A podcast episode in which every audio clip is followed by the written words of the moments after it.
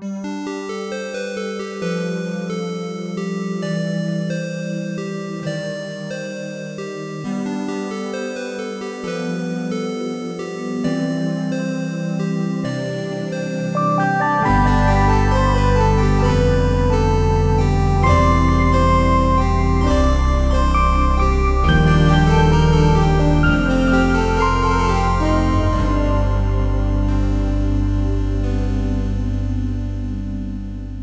er fortsatt eh, tåke og gufs og kaldt i Oslo, men eh, likevel så klarer vi jammen meg å sette oss ned denne torsdagskvelden òg og spille inn Crossover Gaming episode 97 med meg, Ingar Takanobu Hauge. Og hvis lyden høres litt rar ut, så er det fordi at eh, i dag sitter jeg eh, alene uh, i, eh, der jeg sitter lokalt. Uh, jeg skal ikke være alene, folkens. Dette blir ikke en solopodkast. Det er helt moro. Eh, men med litt annet utstyr enn det jeg pleier å sitte med. Men dere hører meg i alle fall, så det skal nok forhåpentligvis gå greit. Og i Oslo så sitter Peter Gjøskjell. Hallo, hallo. Og på non-disclosed location på Østlandet så sitter Jon Edvard Genius. Eh, hallo? Det var, det var nesten uvant å ikke bli liksom introdusert som gjest. I stedet, jeg, jeg bor jo her nå, så det, det Du har blitt innvia i presteskapet, vet du. Stemmer, det var det, ja. Ja, hei. Hele signingsferden og ja. hallo, hallo. Og eh, Peter sitter ikke alene, for at eh, med seg så har han eh, dagens gjest. Eh, da er det bare å ta godt imot eh, stipendiat på gaminglinja på Bibelskolen Fjellhaug og eh, ihugga crossover gaming-lytter Elias Zail Skaug. Velkommen til oss, Elias. Tusen takk.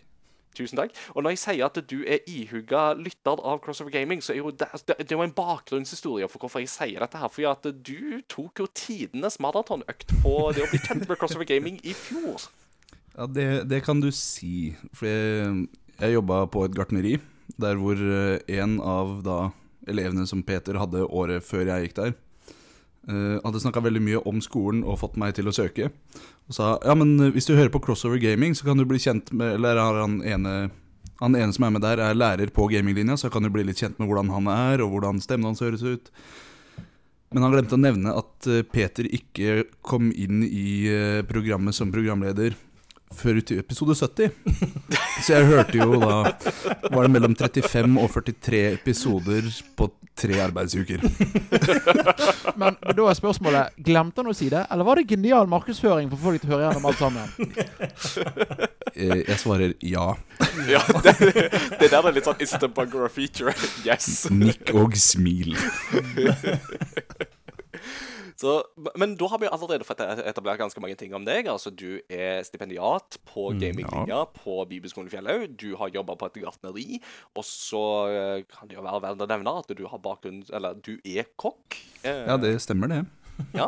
Uh, og eh, hvis du Her, skal her blir alt lagt fram. Så. ja, ja, Du kommer til ferdiglagte gjerninger. Uh, Ja, ja. Sånn like Holder ikke på noen hemmeligheter her. Nei da. og så er det én ting som du heller ikke skal få holde hemmelig, og det er tre spill som Hvis du skal på en måte oppsummere litt liksom deg som gamer, Oi. hva spill vil du da trekke fram? Det er, det er egentlig litt vanskelig, samtidig som det er vanskeligere enn det jeg trodde det kom til å være. Fordi jeg, som mange andre, starta min karriere på Minecraft på PS3.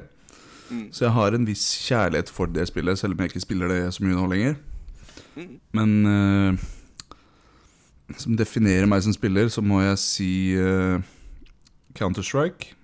Ja. Uh, mm -hmm. Grand Theft Auto 5. Ja. Mest online, men uh, ja, det er en del av det. Og uh, skal vi se Et siste Ja, si, ja jeg må si det. Minecraft. For det har gått uh, litt mange timer der. For mange, nesten. Mm. Nei, men det er jo, en, det er jo tre ganske formative spill, og passerer det er jo ganske godt og fint som gamer, så det, det høres veldig bra ut. Er det noe mer du har lyst til å legge fram for publikum før vi går i gang med dagens herlighet? Noe de bør vite om deg, eller eh, ikke vite? Vi kan jo kanskje avklare ett spørsmål som jeg alltid har lyst til å stille deg. Ja, og hva er det? Er du i slekt med Trygve Skaug? Det er et veldig godt spørsmål. Og det, det er et spørsmål jeg får ganske ofte når jeg møter nye folk. Men eh, ja, jeg er det. Det er da, det er da min onkel. Bror til pappa. OK, du er faktisk det, ja. ja nei, men så kjekt. Du får hilse. Jeg eh, Ja. han traff jo han Han bodde jo ikke så langt ifra fjellet back in the days, liksom. Og jeg kjenner han litt, husker han litt ifra liksom, den tida han var på Kongshaug. Ja, stemmer det. Mm.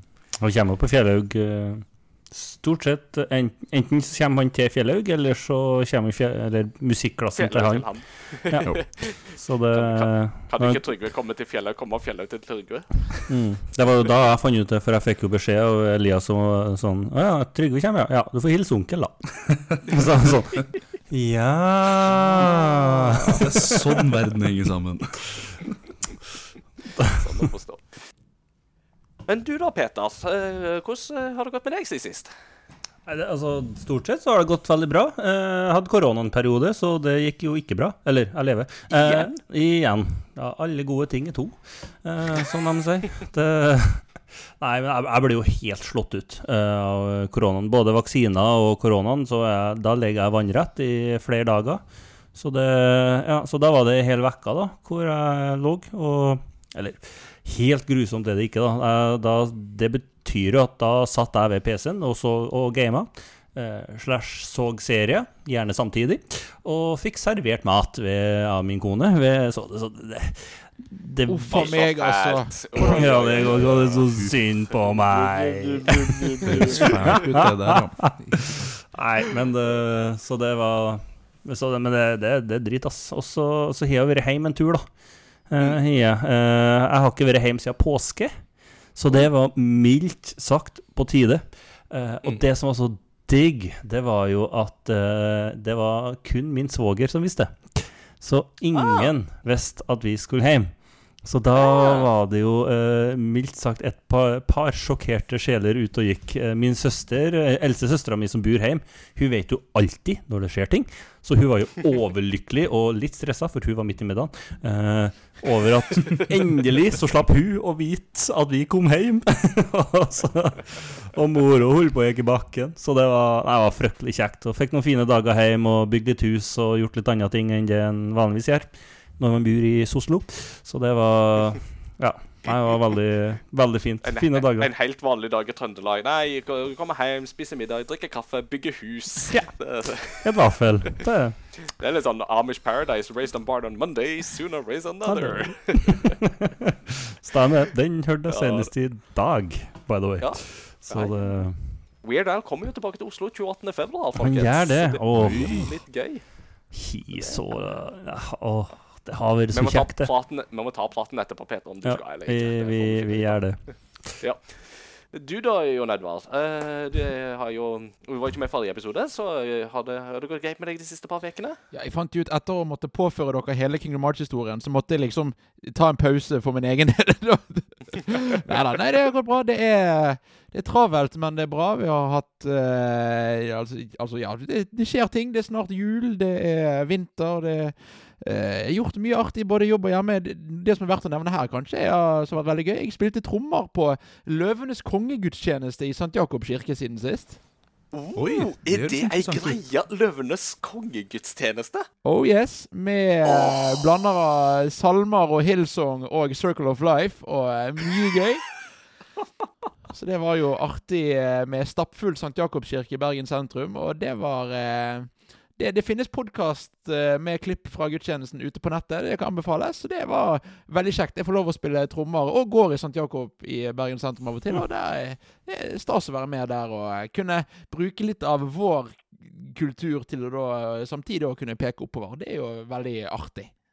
Nice. Rått. Den må du dele i discorden uh, seinere, altså. For det, Det det, det, vil jeg ha inntrykk av. Og, det er, og, og St. Jakob har jo hatt både Ringenes herregudstjeneste og alt mulig, så eh, det, det anbefales Ja. hvis noen er i vestlandsområdet. Og hugg tak i meg og si 'Hei, jeg hørte deg forklare Kingdom Hearts. Hvordan våger du?' Ap ap apropos Kingdom Hearts, han hadde jo vært mellomvalg i USA, og da har du jo den ene overskriften som jeg leste på Kotaku med 'First known Kingdom Hearts fan elected to Congress'. Oh, You guys are everywhere! det, jeg, jeg prøvde meg Altså, jeg, jeg var jo jeg var litt inspirert etter forrige episode, så jeg tenkte at nå skal jeg gå på YouTube og liksom okay, liksom Dypdykk litt i hva er Kingdom Hearts. Å nei. Jeg ga opp. Altså, jeg, det, det, var, det, var, det var over Altså, videoen varer over en time, og jeg, det var liksom helt um... Altså, det var, er så komplisert. Respekt Altså, for at du prøver all- Det- All ære til dem som har klart å satt sammen de greiene der. For det er jo helt sykt hva som skjer for meg, meg vanlig dødelig, tydeligvis, i hvert fall. Så det bare var helt bananas, de greiene der. Så det Altså, Takk for det. det- Takk for det. Mm, Så altså, tenker jeg, det der er pensum, det. Vi snakker 30 studiepoeng. Helt vilt. Helt klart. helt klart. Men takket være Jon Edvard, da, så hadde jeg jo eh, Jeg tror det var Red Cruise som snakket noe om en uh, nobody eller noe sånt. Ja, og sånn, oh, I know what I means now! Det er godt å høre. det er godt å høre. Mm. ja, ja. Nei, fine. fine. Uh, ikke så mye nytt å melde her. Jeg er begynt på jobb igjen, og eh, da går det stort sett i det samme gamle. Så det er um, Og så litt anmelderoppdrag og litt sånne ting, men det kommer vi jo tilbake til så i del to. Så jeg tenker at uh, det er mye på agendaen i dag, så kanskje vi bare skal gå i gang?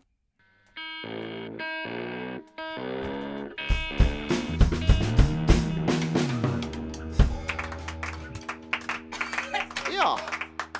Eh, himmelsk lyd fra ungdommene. Eh, nå er det ukens kunngjøringer. Ja, ukens eh, kunngjøringer, eh, sier jinglen, og da skal vi ta for oss litt både fra denne veka og forrige veka. Um, vi kan begynne med en av de ferskeste nyhetene, egentlig, og det er fra våre egne trakter, nemlig Medietilsynets nyeste rapport. Den eh, kommer jo annethvert år, og det er jo alltid litt sånn spennende tall å pusle med der. Det mest interessante egentlig fra den rapporten i år, den viser at andelen kvinnelige gamere i aldersgruppa 9 til 18 år, den går nedover.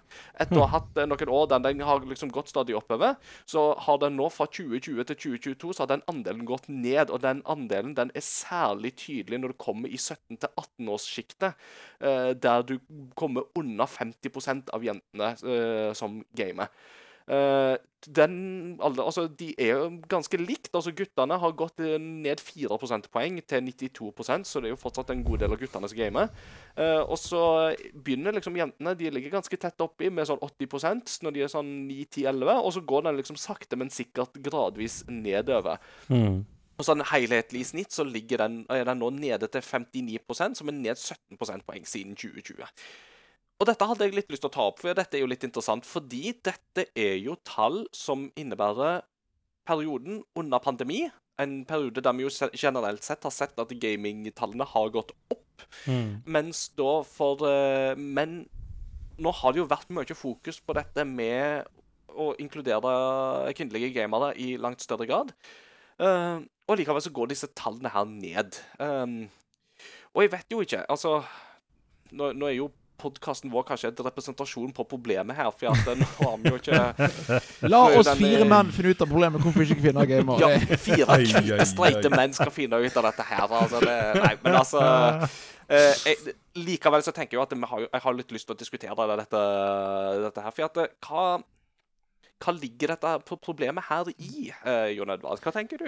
Nei, altså, for det som jeg liksom lurer på, er fordi at eh, For det første så lurer jeg litt på dette for det, det har gått ned eh, med prosentpoeng. Så er det litt sånn Betyr det at de samme menneskene har sluttet å game, eller betyr det at de nye mennesk, de som har kommet nytt inn i denne aldersgruppen, ikke gamet fra før? Og liksom, er det folk som slutter å game, eller er det folk som aldri har begynt? Det er jeg litt in, in- interessert i. Ja, altså Hvis du da tenker at de som er 17-18 nå, de var 15-16 i 2020-undersøkelsen, så Ja. viste jo den at da var jo den andelen ganske høy. Ja. Uh, og da burde jo den prosent altså, altså Et visst svinn kan du kanskje få som følge av skole og alt det som følger med liksom, i den epoken av livet, men likevel så er nedgangen vesentlig større enn det man kanskje skulle antatt på Ja. Men det kan jo ha litt med at altså 2020 Det var veldig begrensa hvor mye du kunne gjøre. Gaming var jo den aktiviteten som by far ble mest populær, fordi det hadde du lov til, og det var den måten du kunne treffe venner og sånt. Mens nå så er jo folk mer fysen på å komme seg ut, gjøre andre ting, treffe venner, IRL. Forstå det, den som kan. Eh, det, og liksom Ja. Så jeg syns jo ikke det er veldig overraskende. Nei, og det er jo for så vidt et godt poeng at Norge er et av de landene hvor vi på en måte har vært Altså, det har vært tryggere å bevege seg ut i samfunnet i Norge kontra gjerne resten av verden, som betyr at det er flere Mm. som har lagt fra seg kontroll og gått ut i samfunnet raskere enn resten av verden, da.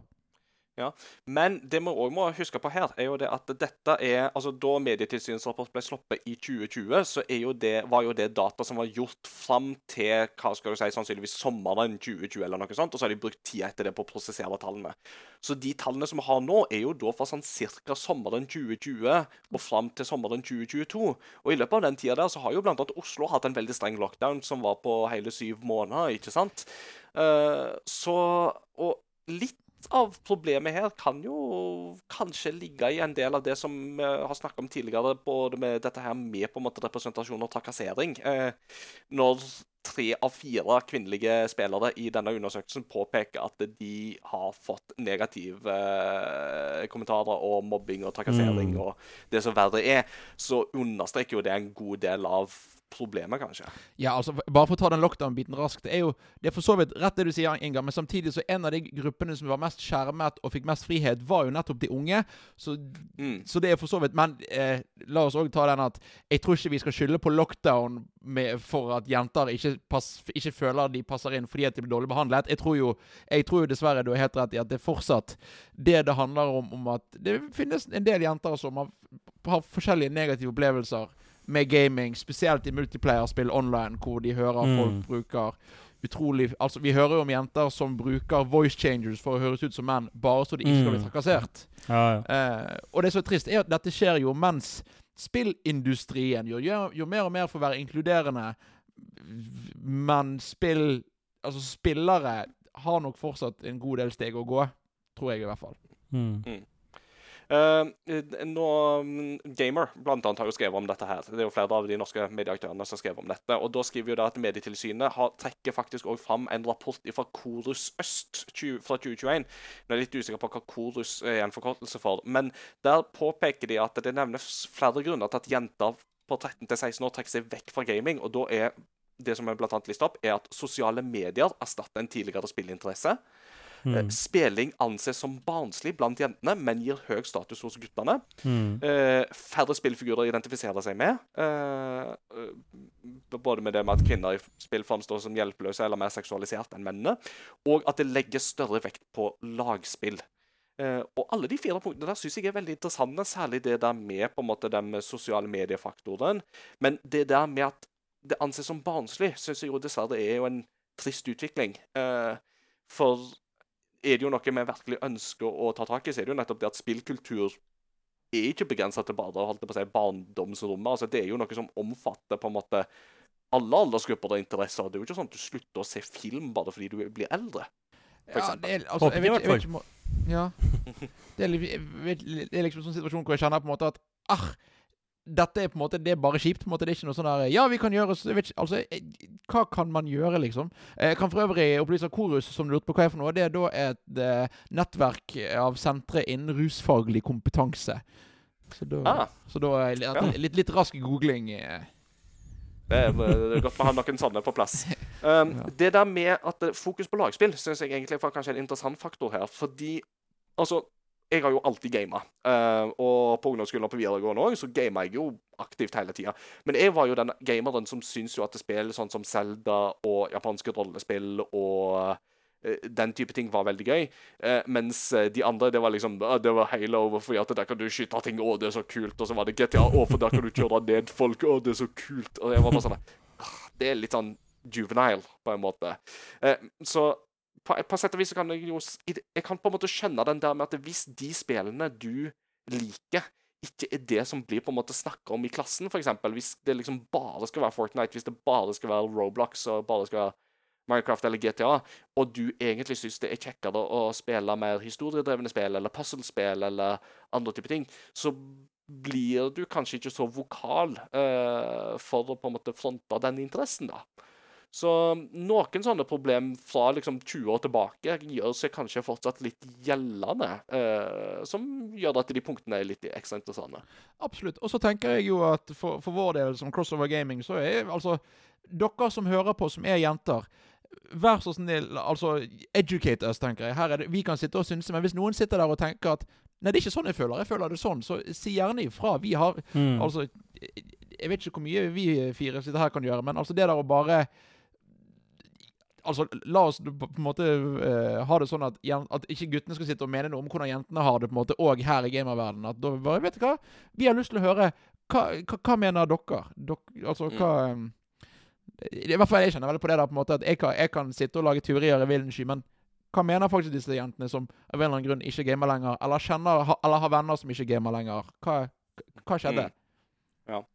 Jeg skulle gjerne vært på den medietilsynet. De hadde jo en sånn fagdag i dag eh, knytta til det, der det var flere som var altså Level Up var innom, nederlandslaget var innom, og ja, flere var innom der og sånt. Og jeg kjenner at eh, om, hvis de har en sånn tilsvarende til neste år eller om to år, så skal jeg prøve å skjerme en feriedag, og så skal jeg ta den ut til å få med meg den samlinga der. For det var visst relativt lett å få tak i. på en måte. Du kunne jo nok melde deg på det ganske lett. Mm. For, for dette er jo sånne ting som jeg syns er kjempeinteressant. Å lære mer og ja, og ikke minst i på en måte diskusjonen og samtalen rundt spill, så er det jo ekstra interessant. Og jeg vil jo òg på en måte i den konteksten som vi sitter i, som jo har en fot i det kirkelige landskapet, så syns jeg kanskje det er ekstra interessant, for at eh, der merker jo jeg at eh, det denne faktoren med kvinnelig representasjon er jo kanskje enda mindre igjen enn det den er i samfunnet generelt. Eh, jeg føler i alle fall at det har vært vanskeligere å komme i samtale med, med, med kvinnelige gamere innenfor en kirkelig sammenheng enn det det er med mannlige spillere. Mm. Uh, og det Jeg vet ikke om på en måte spillet er på en måte enda mer ruglesett igjen innenfor en kvinnelig kirkelig omgangskrets enn det den er på en måte i den sekulære sfæren. Ja, og for en som eh, Jeg har sagt det før, jeg er mer som eh, ung- ungdomsleder ute på Askøy, og der og igjen veldig Dette er veldig personlig. Det er jo ikke, er ikke noe man kan føre som, som, som statistikk, men når man har gamingarrangementer, så kommer som oftest alle guttene i ungdomsarbeidet og en eller to av jentene og 'Hæ, liker du å spille?' Det er på en måte, Mhm. mens, det, mens ofte i resten av ungdomsarbeidet er det faktisk hovedsakelig jenter, men på en måte eh, gaming blir sett på som en veldig gutteting. Eh, der òg. Men for all del, når det kommer noen jenter som spiller, så blir de tatt imot veldig positivt. I hvert fall her hos oss, da. Mm. Jeg tror ikke vi skal Jeg tror vi har eh, sagt det som kan sies om den saken akkurat nå. Men det er en interessant problemstilling, og vi kommer garantert til å komme tilbake til den opp gjennom eh, flere ganger. Men hvis du hører på og har innspill på dette her, og syns kanskje til og med det hadde vært interessant å snakke om det med oss, ta gjerne kontakt. Eh, vi er veldig åpne for forslag til tema og den slags, så kjør gjerne på. Eh, Crossover Gaming sin Discord-kanal eller Facebook-chat det er våre letteste kanaler å få tak i. Men eh, du kan òg bare at Dette hørtes feil ut. Bare google telefonnummeret mitt. Eller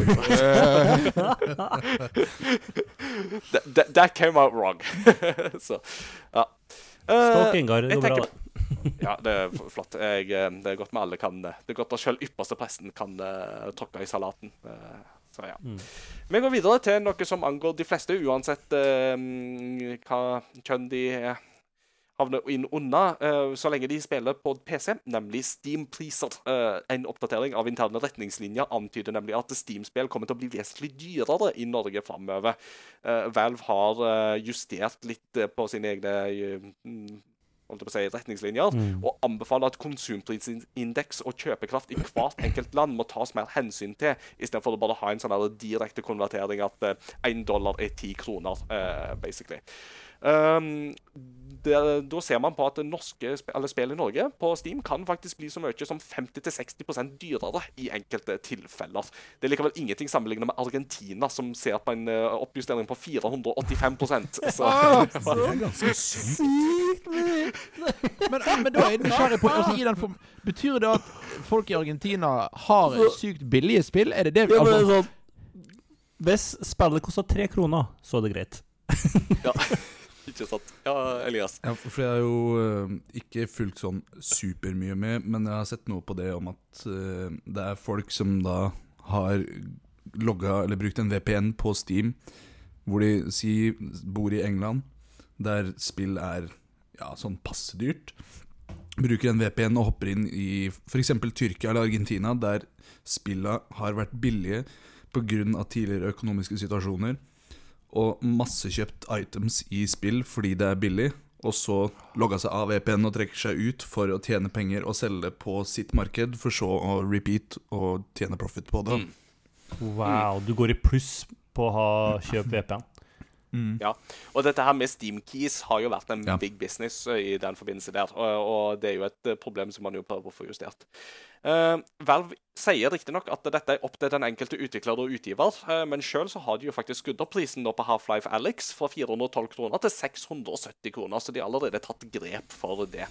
Eh, og dette er jo igjen interessant, for at jeg har jo vært en viss forkjemper for at ja, kan, det er på tide at vi får en liten prisoppjustering på spill, for det har stort sett stått på stedet hvil siden midten av 2000-tallet, da spill kosta 500-600 kroner. Og så har det stort sett stått der, mens resten av mm, verdensøkonomien har, har, det har ikke tatt høyde for på en måte inflasjon og konsumprisindeks sånn sett.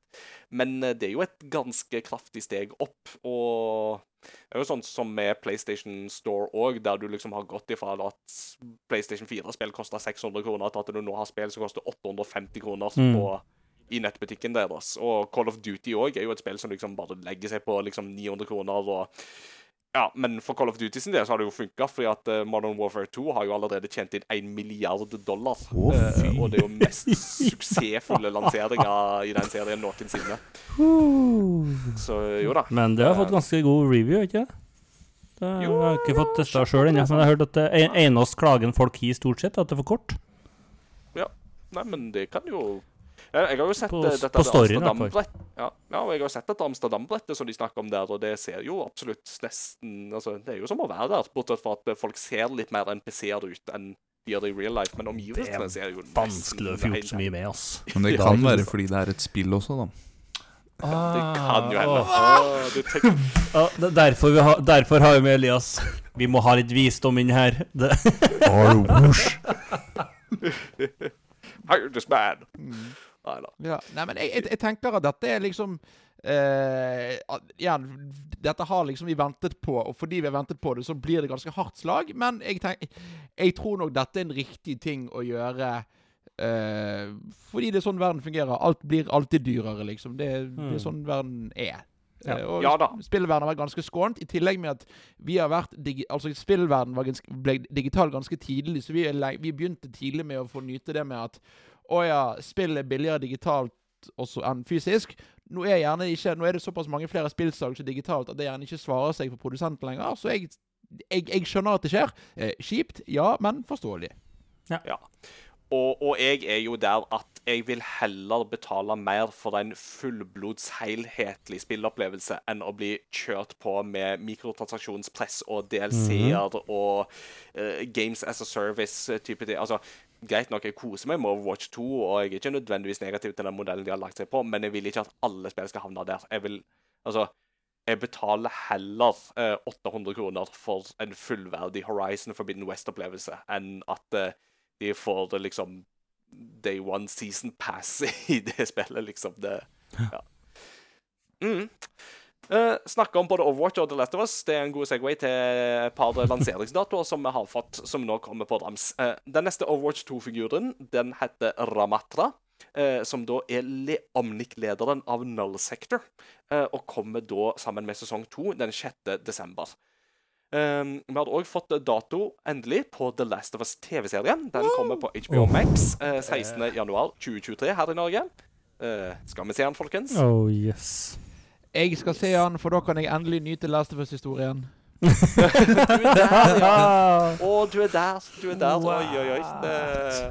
Gled deg. Eh, vi må ha en debrifingsepisode når eh, alle episodene er ute. Og så må Ja, ja. vi ta en eh, debrief både For det blir jo interessant å få både har ikke spilt spillet-perspektivet og har spilt spillene veldig-perspektivet. Mm.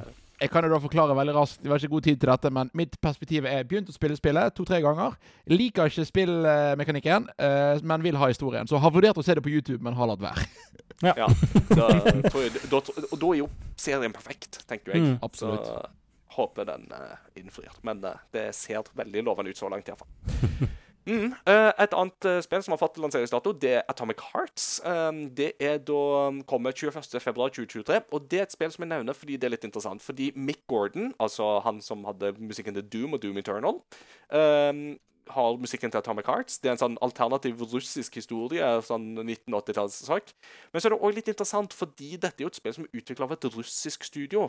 Og i en periode der veldig mye av russisk kultur nå er under harde restriksjoner og boikotter og sånt, så genererer jo det spillet en liten sånn diskusjon knytta til Ja, men vil det vil det være greit å kjøpe det spillet, eller vil de inntekt... Altså, de vil jo måtte betale skatt av de inntektene, og de skattene det vet vi jo hva går til nå for tida. Så Mm. jeg har jo utgangspunktet vært veldig gira på det spillet, men det er et spill som kommer til å generere en interessant diskusjon i så henseende. Mm. Og så er det en annen ting som òg har fått lanseringsdato. For dagen etter det, 22.2, så kommer PlayStation VR 2. Det skal lanseres til en pris av 549 amerikanske dollar, som legger seg da på rundt 5500-6000 kroner her i Norge. Hva tenker du om det, Jon Edvard? Jeg tenker at dette blir eh, Jeg tror dette blir PlayStations største, største bommert siden PlayStation Vita. Oh, Uh. Jeg, jeg tror helt ærlig at Jeg tror de er for sein med et produkt som ikke er kompetitivt, og jeg tror det er for dyrt. Mm. Det er, nå, har, nå er flere av headsetene, spesielt Quest, baserer seg på kabelløs teknologi, så har de fortsatt en kabel, og det koster mer enn en PlayStation 5.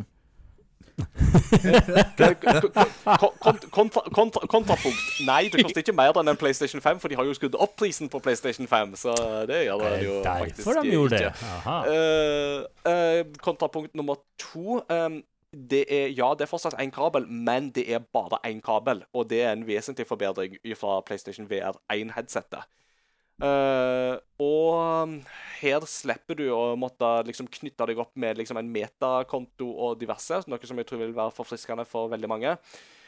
Og um, det er faktisk sånn Hvis du ser på prisen sammenligna med PlayStation VR 1 da det kom, så, og tar um, prisvekst med i beregninga, så er dette faktisk billigere enn det PlayStation VR 1 var. Det er for så vidt greit. Nå skal, du skal ikke drive og krangle mye her, men eh, eh, i USA er, ble ikke prisen til PlayStation skrudd opp, så der er, der er prisen fortsatt 499 dollar. Så i, i Norge er PlayStation 5 dyrere, men det, det Og Japan og Europa og eh, ja, e- egentlig alle markeder utenom USA. da. Så, Men siden vi gir prisen i dollar, så er det greit. Og det er fortsatt dyrere enn eh, Oculus Quest, hvor du slipper kabel. Og Det er sant. Mm. altså, den kabelen ødelegger så mye for min del, fordi det er jo en del sp Hvor mange omdreininger tar du før du har et kjempeproblem? Det er liksom det jeg sitter og tenker på. Før du enten har nappa ut en ledning eller har knytt fast dine egne bein, liksom. Ja. Og så var jo på en måte PSVR1 var jo på en måte en teknologi Altså, det var første forsøk, og det var eh, til en konsoll som er mye mer spredt enn det PS5 er. Altså PlayStation 4 var mye større. Eh, jeg vet ikke jeg, jeg, tror, jeg tror at For jeg hadde PlayStation VR, og det, fungerte jo greit, men Jeg vet ikke. Jeg, jeg, jeg, tror ikke dette kommer til å gå, dessverre. mm. jeg, jeg, jeg sitter litt på gjerdet ennå, kjenner jeg. Jeg må ha spillene. Um, det er egentlig det som er anke, ankepunktet for meg her nå. Mm. at De spillene som er kunngjort så langt, er ikke liksom de som trigger meg mest. Altså Den dagen de annonserer Half-Life Alex for dette her, da hopper jeg på med en gang. Uh, men um, jeg, jeg er veldig keen på teknologien her. Uh, for at det er noe med på en måte oppløsninga i dette her, med eye-tracking. Uh, Håndkontrollene ser smooth ut. og ja, rett og slett så er det, det er veldig mye, altså, veldig mye teknologi for pengene her. Så ja. Jeg skal, òg spille med åpne kort at eh, jeg er heller ikke så begeistret fordi jeg mener at PlayStation VR, eh, eller VR som teknologi, eh, som mange har snakket om Ja, fremtiden til spillet er VR. Jeg har vært veldig uenig med det som er generell påstand, og jeg tror at det, det er mye mer nisje enn det på en måte det blir presentert som.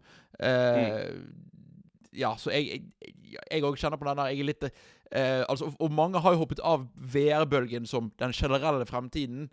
Eh, selv om for all del det er bedre enn sånn som når folk trodde, trodde alle spill skulle være sånn 3D-gaming med 3D-TV og sånn. Det er bedre enn det, men jeg, ja, jeg, jeg, jeg over VR-bølgen. ja. Vi får se. Eh, 2023 blir iallfall spennende i så måte. Mm. Absolutt. I, I stad snakket jeg jo om Atomic Heart, spillet med Mick Gordon som komponist. Og Mick Gordon har det vært i nyhetsbildet i dag. Eh, for noen husker kanskje at det, var litt sånn styr rundt lansering av Doom Eternal og musikken i det spillet der. Der eh, eh, det var litt med tanke på komprimeringer, og at folk mente at, spe- altså at de ikke hørtes kvalitetsmessig like bra ut som det de gjorde i Doom. Eh, og da ble det jo annet nevnt det at eh, Mick Gordon ikke rakk å bli ferdig til avtalefesta tid, og litt sånne ting, og at de måtte implementere litt sånne andre løsninger og sånt. Nå har Mick Gordon kommet med en uttalelse på 14 000 ord, eh, som blir jo nesten en masteravhandling i seg sjøl. Det er nesten like mange ord som du trenger for, for, for å forklare Kingdom Hearts. Nesten halvparten, var det du sa? Ja, nesten halvparten. Nesten halvparten. Nesten halvparten.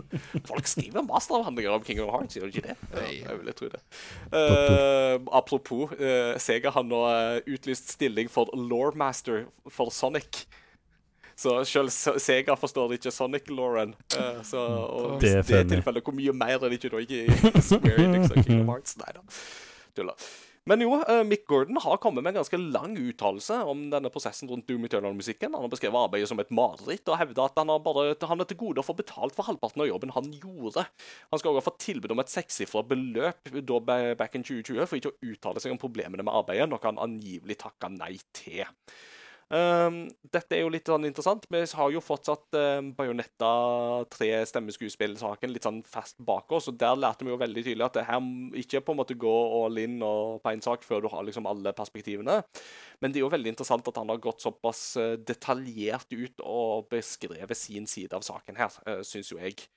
Um, det skal òg være sagt at um, Bethesda snakket om at ja, det soundtrack til Doom Eternal skal følge med Collectors Edition av dette spillet. Det var han visstnok aldri informert om eh, skulle skje. Så ja. Hm. Interessant. Musikken er skamrå, da. Det er Det- absolutt. oh. Altså, Oh. eh, the only thing they fear is you er fortsatt liksom bare en banger for det spillet. Mhm. Det låter så bra. Det er sånt jeg fortsatt sitter og hører på når jeg spiller Rocket League og må svette litt ekstra. Det, For show. Uh, vi går videre til et par kjappe saker før vi skal over på temadelen. Gears of War blir både spillefilm og animert serie på Netflix, hadde blitt bekrefta nå nylig. Ingen skuespillere er annonsert foreløpig, men uh, tidligere så har jo Dave Bautista, altså uh, fra uh, blant annet Guardians of the Galaxy, Uh, Drax. har jo vært Drax, ja, takk. ja takk. Plutselig sto det helt stille. Det jo vært en heit potet der, eh, og for så vidt eh, Dwayne The Rock Johnson. Uh, Så vi får se da, om noen av de dukker opp i dette prosjektet. her. Og så I går så var det Nintendo Indie World Direct-sending. Uh, der tar jeg ikke alle spillene, for det ble for mange. Men jeg plukka ut noen personlige favoritter som jeg syns hørtes litt interessante ut. Og så får dere spe på hvis det, dere noe føler mangler. Uh, Venba viste de. Det virker som et spill om indiske immigranter til Canada, der du lager indisk mat. Uh, jeg ble sulten da jeg så på det, og da var jeg sånn Ja, det, det så godt ut. Kanskje jeg blir inspirert. Uh, så det var sånn, ja. Uh, og så fikk vi se um, Akka. Et um, Akka er jo for øvrig det japanske ordet for rød, uh, og det passer bra, for dette er et small open world game om en rød pandakriger som nå skal finne Han skal pensjonere seg og finne sjelefred på en øy. Eh, Så det var sånn farming sim med en rød panda. Det så kjempekoselig ut. Og så har du Pepper Grinder, som da er et 2D fast action-spill som utgis av eh, Devolver, der du skal ta deg eh, fram gjennom sånn environmental puzzles og slå bosser ved hjelp av en drill. Så det var liksom både intenst gameplay, og det så faktisk utrolig gøy ut. Og så har jeg tidligere snakka om Coffee Talk, et spill der du driver en kafé i Seattle, der Seattle er befolka av mennesker, alver, orker og alle mulige slags skapninger. skapninger. -hmm. Nå kommer jo um, Oppfølgeren kommer til neste år. Den er nå bekrefta for Switch, eh, som jeg fikk se litt av den. Og ser fortsatt helt amazingly koselig ut. A Space for the Unbound er et spill satt til den indonesiske landsbygda på 90-tallet, der du både må eh, deale med liksom, forelskelse og depresjon, samtidig som at du begynner å få liksom, overnaturlige krefter. Og det er litt sånn interessant, fordi at den indonesiske gamingfronten begynner etter hvert å gjøre seg mer uh, gjeldende på det internasjonale markedet, og særlig på indie-markedet. Coffee Talk har jo noen tilknytninger til Indonesia. Eh, og tidligere i år så anmeldte jeg et spill som heter The Company Man, som òg er utvikla i Indonesia. og nå, ja, så Indonesia begynner liksom etter hvert å komme på spillfronten sånn internasjonalt. Det syns jeg er litt spennende, for der har vi ikke så veldig mye erfaring tidligere. tidligere. jeg har ikke det. Og så, A Little to the Left, et spill som handler om organisering, der organiseringa di hele tida blir ødelagt av katter i huset, som bare plutselig kommer en pote inn, og så bare. Og du sitter De, vis, de viste til og med en sånn sekvens der du sitter med Mac-en, og så plutselig så går katta over tastaturet. Stemmer. Uh, Høres rett ut. Kotaku beskrev, ja, Kotaku beskrev dette som uh, Imagine Murray Kondo making a game. This would be it. Så dette Fantastisk som- beskrivelse. ja, helt fantastisk. Så dette spillet som will spark joy, rett og slett. Og for en sånn ordensfrik som meg, så var det sånn Ja, jeg likte jo unpacking, så kanskje dette er litt i samme gate. Og så et spill som jo har generert mye baluba og glede i vår discord, i alle fall. Sports Story, opp- oppfølgeren til Golf Story, kommer i desember. Og Jon Edvard eh, gleder seg. Har du noe erfaring med Golf Story? Åh, jeg var så glad i Golf Story. Det var jo et av disse indie-spillene i 2017 som kom, og så liksom bare Altså, jeg følte hele verden forelsket seg i, og det er jo Det er gøy, og det er en artig historie. Og så, og så annonserte de Sports Story, yes, og så bare forsvant det. så det er men, fantastisk at det er på vei, da. Mm.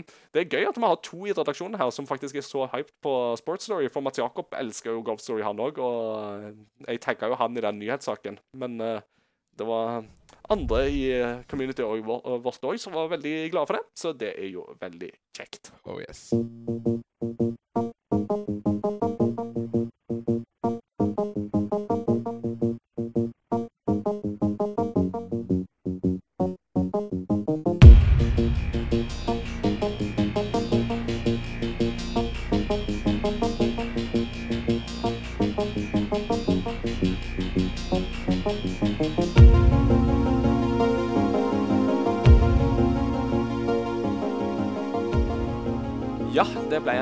Lengre kunngjøringsseksjon enn forventa, men nå er vi endelig kommet til dagens tema. Og Elias, this is your time to shine. For nå, nå skal det snakkes Counter-Strike. Oh, yes. Counter-Strike, dette store eh, e-sportspillet, om vi skal kalle det det, som eh, jo har vært en del av gaming-communityet i over 20 år, og det toget fortsetter bare å rulle og gå. Så Elias, la oss bare begynne med det helt elementære spørsmålet først. For de som ikke aner hva Counter-Strike, eller CS, er. Hva er CS? Eh, kjapt forklart fem mot fem eh, førstepersonsskytespill. Som går ut på ja, to lag. Ett godt, ett eh, litt mindre godt. der, Snill og slem. ja, der de, der de slemme, eller altså i dette spillet terroristene, skal plante en bombe på én av to eh, områder på kartet. Eller på ett av to, etter vel grammatisk sett. Men, eh, og Det er er ikke så farlig med den grammatikket Nei. i denne podkasten. det i denne postkassa. Nei, det Nei, men eh, Ja, i hvert fall. Terroristene skal plante ei bombe, og antiterroristene skal prøve å enten sette terroristene ut av spill før de rekker å plante nevnte bombe, eller desarmere bomba før den sprenger. Og det går da på best av 30 runder, som vil si førstemann til 16. Ja, riktig. Riktig. Det siste der var jeg faktisk ikke klar over, at det er såpass intenst at du må klare det såpass mye. Det, det gjør jo fort at kampene blir litt lengre enn uh, bare noen minutter. Ja, ja, det, det Skal vi se. Når du hopper i spillet og skal starte et game for første gang, så får du en sånn Please do not leave the match as this gives you a cooldown. Da får du en Hva er det? Cooldown på først en halvtime hvis du dodger kamper. Men det er fordi du ødelegger jo spillet for de andre. Og når du, hvis du i verste fall spiller alle 30 rundene, hvor hver runde er minst to Eller altså du har to minutter på klokka. Om bomba blir planta i siste sekund, så får du 40 sekunder til, i tillegg til tid mellom runder. Så det tar jo en runde i snitt Eller ikke i snitt, men uh, har du maks uflaks, så tar hver runde da tre minutter. Så kan du sitte en og en halv time på én match. Ja, det er såpass. Ja. Det er mm, vesentlig mer eh, krever vesentlig mer dedikasjon enn eh, det jeg hadde trodd, altså. Men uh, en vanlig kamp, så er ikke det vanlig at du sitter tre minutter per runde. Fordi Nei. du Det vil jo si at da leker dere gjemsel på høyt nivå. Mm. Så jeg tror når jeg spiller, så er en gjennomsnittlig kamp går på kanskje 40-50 minutter. Uh, Counter-Strike begynte jo uh, som en mod til Half-Life i sin tid. Det stemmer. Uh, og, og så ble det jo offisielt lansert i eh, 2000. Mhm. Og så siden den gang så har vi jo fått uh, ymse iterasjoner av eh, spillet. Men det er vel Global Offense er vel det som eh, råder og går nå. Ja, Global Offensive, ja. Stemmer. Ja, Global Offensive, ja. Ja. Ikke, no, no offense. Hey! Og det er, vel det, som, det, det, det er vel det som nå kalles Eller CSGO. Det er jo da kanskje Mm. Global Offensive. Ja, Yes, ja. stemmer. For, For du hadde jo som nevnt uh, Half-Life, Mod, Counter-Strike, eller også kalt 1.6. Så over i Counter-Strike Condition Zero. Og så har du det som bare kalles for Source, for det var første på Source Engine, og så Global Offensive. Ja, riktig. Uh, så um, Når begynte Hvor tid liksom dette spennet her begynte din historie med CS? Um, Sånn cirka. skal vi se om jeg ikke husker helt feil 19. oktober i 2018. Oi! Det var ekstremt nøyaktig. Var... Kan jeg bare si det er veldig gøy, fordi at eh, min bryllupsdag er 20. oktober Så Det, er- det er mye den helgen. Hey, let's go! Det, er- eh, det er helg som revolusjonerte eh, ganske mye. Nå, var nå må jeg jo finne ut hva, hva gjorde jeg det helga. Flere fant sin store kjærlighet den helgen der. Det, and on that note, eh, gratulerer med fireårsdagen som dere hadde Mm. mens eh, du har vært vekke. Så du kan ikke gratulere til deg på Facebook. Ja. Nei, men det er ikke sånn at Men, men, men ja, CS. Ja. CS, det er jo et stort spill. Det har jo, som du sa, holdt på i litt over 20 år. Og jeg tror ikke det kommer til å stoppe sånn med det første. Nei, det er jo veldig mye som tyder på det. Og da er jo liksom det der interessante spørsmålet med dette her er jo liksom hva er det som holder på appellen. Men altså, uh, før vi går så langt uh, Altså, denne historien din Vi fikk veldig nøyaktig tid den begynte og sånt, men altså Ja, det liksom hva, hva liksom omstendighetene som leder deg til CS, Altså, hva var det som på en måte gjorde at uh, du på en måte ble så hekta på det at det er blitt en av dine topp tre? Ehm, Bakhistorien er vel uh, Ja, jeg gikk gjennom eh, ungdomsskolen. Eller uh, var i starten av åttende klasse. Så hadde jeg spart opp litt penger til å kjøpe en PC. Én til å ha skolearbeid, men to til å kunne oppgradere fra en gammel, sliten PS3. Og da begynte jeg på ja, litt Minecraft, eh, gammelt spill som heter Unturned. Som er Hva kan man kalle det? Det er eh, zombie-apokalypsespill, overlevelse, men med litt sånn Minecraft-stil. Litt sånn firkanta. Ja. Og så var det jo over i Fortnite når det kom. Ja, stemmer. Så spilte en god del, og satt mye hjemme og spilte. Så etter hvert så begynte mine venner å gå over til Counter-Strike, og fant ut at det var et gøy spill. I, men vi var jo fortsatt da 16. Det har en aldersanbefaling på hva er det, 17 i USA og 18 i Norge. Det stemmer. Så det, det gikk litt sånn under radaren hjemme, fordi jeg eh, Fordi jeg eh, begynte som de andre å gå litt lei av Fortnite. For det var, det var gøy i starten, men etter hvert når folk lærte seg å bygge sånn syke slott på to sekunder, så var ikke det noe for meg. så da Lenge leve unbuild mode. Oh yes, Oh, ja. Det er det eneste jeg klarer å spille når jeg ja. en gang må inn på Fortnite. Men eh, ja, hoppa da over på CS. Og ja, det var en veldig spesifikk dato. Eneste grunn til at jeg husker det, er fordi jeg har fått det spørsmålet mange ganger. Hvor, eller når begynte du å spille, og hvorfor har du så mange timer?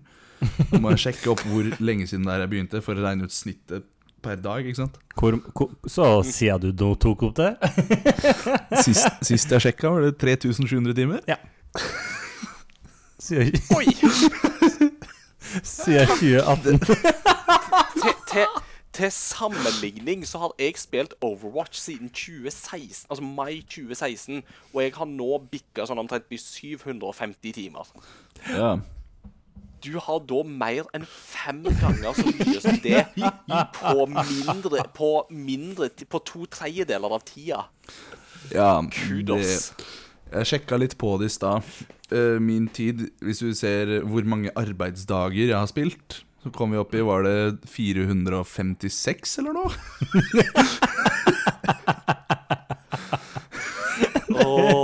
På fire år. Helt bananas. I, I dette regnestykket her så må vi jo da ta med at du gikk Ja. på gaminglinje på bibelskole i fjor, og du er nå stipendiat på gaminglinje, så du har litt mer tid enn den menige Men Ja, menige vi får ikke spilt Eller jeg får ikke spilt så mye CS som du kanskje tror her på skolen. For vi har litt Oh. ukas spill og ditt og datt. Og i hvert fall i fjor så var jeg den eneste som spilte det. Så det, altså, hvis jeg skulle spille CS, så måtte jeg gjøre det aleine eller med kompiser hjemme, og det kunne bli litt lite sosialt for å bli kjent med de på skolen. Så da måtte vi finne andre spill i fjor som vi kunne spille sammen, da. Så jeg, Men I år har det det fiksa seg. før. Det er med andre ord lov å anta at du syns, syns Counter-Strike er helt greit, liksom. Du er, er litt gira på det. Altså det, Ja. Det, det, er, det er et veldig elsk-hat-forhold. Oi! Fordi 3000 timer elsk-hat. Dette må jeg høre mer. Altså jeg, Det er eh, Jeg vet hva Jeg skal gå inn på Steam, for jeg har skrevet en liten review på spillet. Skal du bare få høre. For det beskriver litt bedre enn det jeg klarer å huske. Skal vi se. Ja. Det er derfor det alltid er så greit å skrive anmeldelser på ting. Ja. For at da kan man gå tilbake til det. Det, jo, det var jo sånn det begynte for meg òg. Hele anmelderspilen begynte jo med nettopp det. Liker jeg dette spillet egentlig? La meg Skal, skal, vi, skal vi høre her, da. Well, CSGO is an adventure of its own kind. It's a love-hate type relationship. As it's fun to play with friends, but you will also get placed in lobbies filled with griefers, toxic trolls, or cheaters. Uh, Eight out of ten times if you solo queue. Som da sier Ja. hvis, det, er, det er lurt å spille med folk du kjenner. I hvert fall i starten, Mm. til du lærer deg ropesa. Still the only game that made me a returning player, so I guess that means it's good, yeah. Remember to take breaks too, as too many games, uh, too many games in a bad mood will make you wanna punch through the wall. Noe 3000 sier meg at den siste, ja, og sier meg at den der siste setningen Den er liksom litt av å holde på en dyrekjøpt erfaring. Jeg, jeg har ikke slått gjennom veggen ennå, men jeg har klart å ødelegge Nei, enda. Det kommer ikke til å skje i år, fordi det er ikke min vegg. Men nå Altså, det Du var må slutte å spille CS når du kjøper deg hus.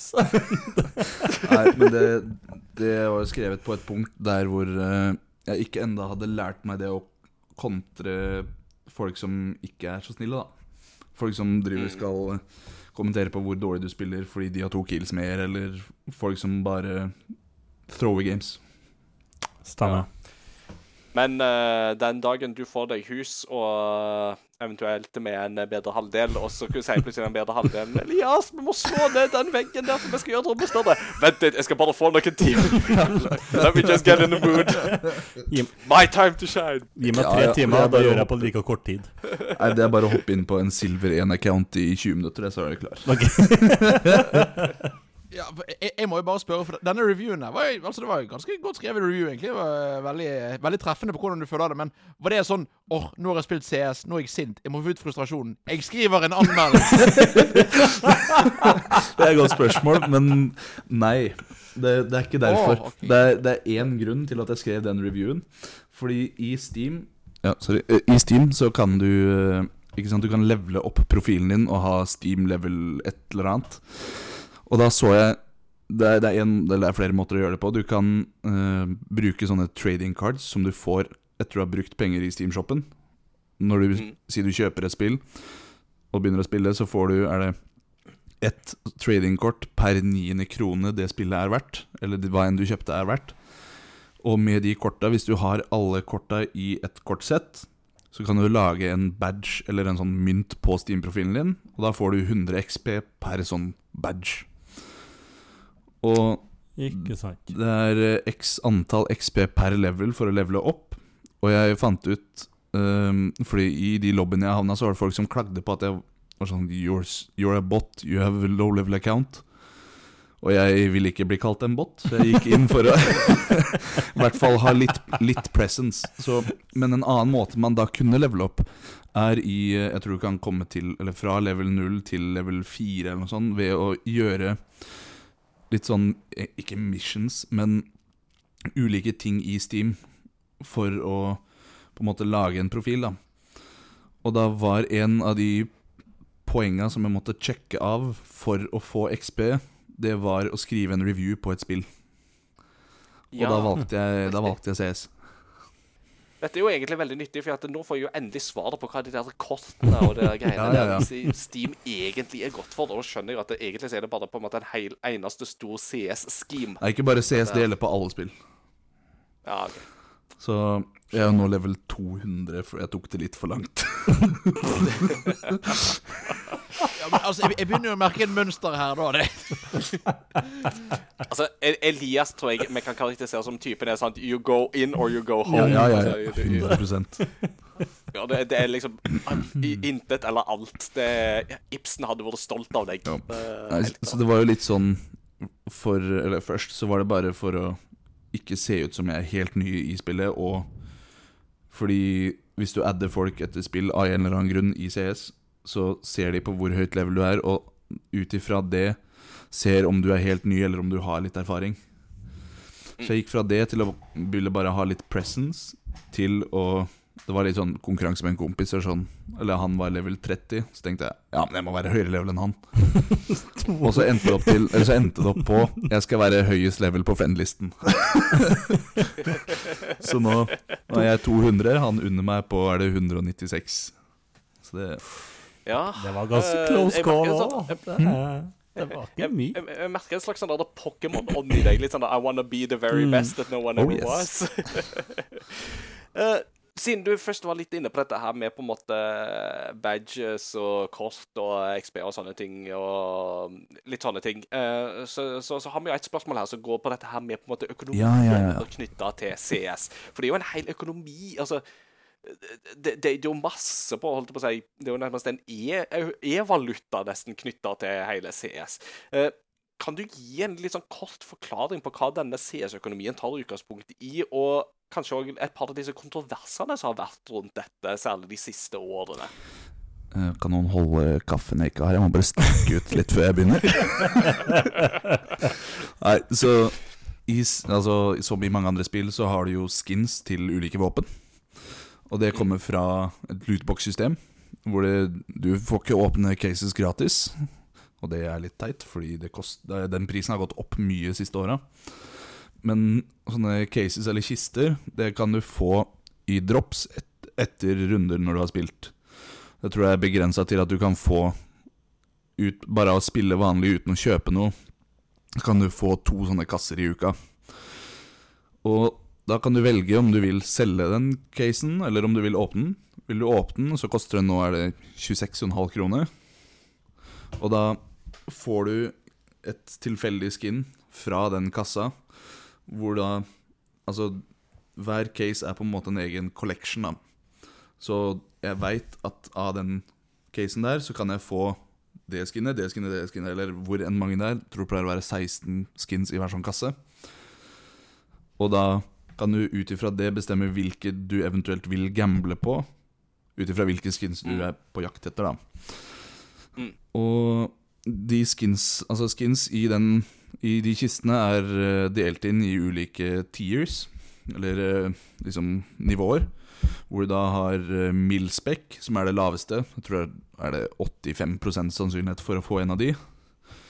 Og det vil jo da si når de blir Når mange nok åpner en kasse og vil selge det skinnet på community market, så vil jo prisen bli lavere enn Altså, når det er 80% eller 85% sjanse for å få noe, så vil jo den ha en lavere pris enn det som er 0,5 sjanse for å få. ikke sant?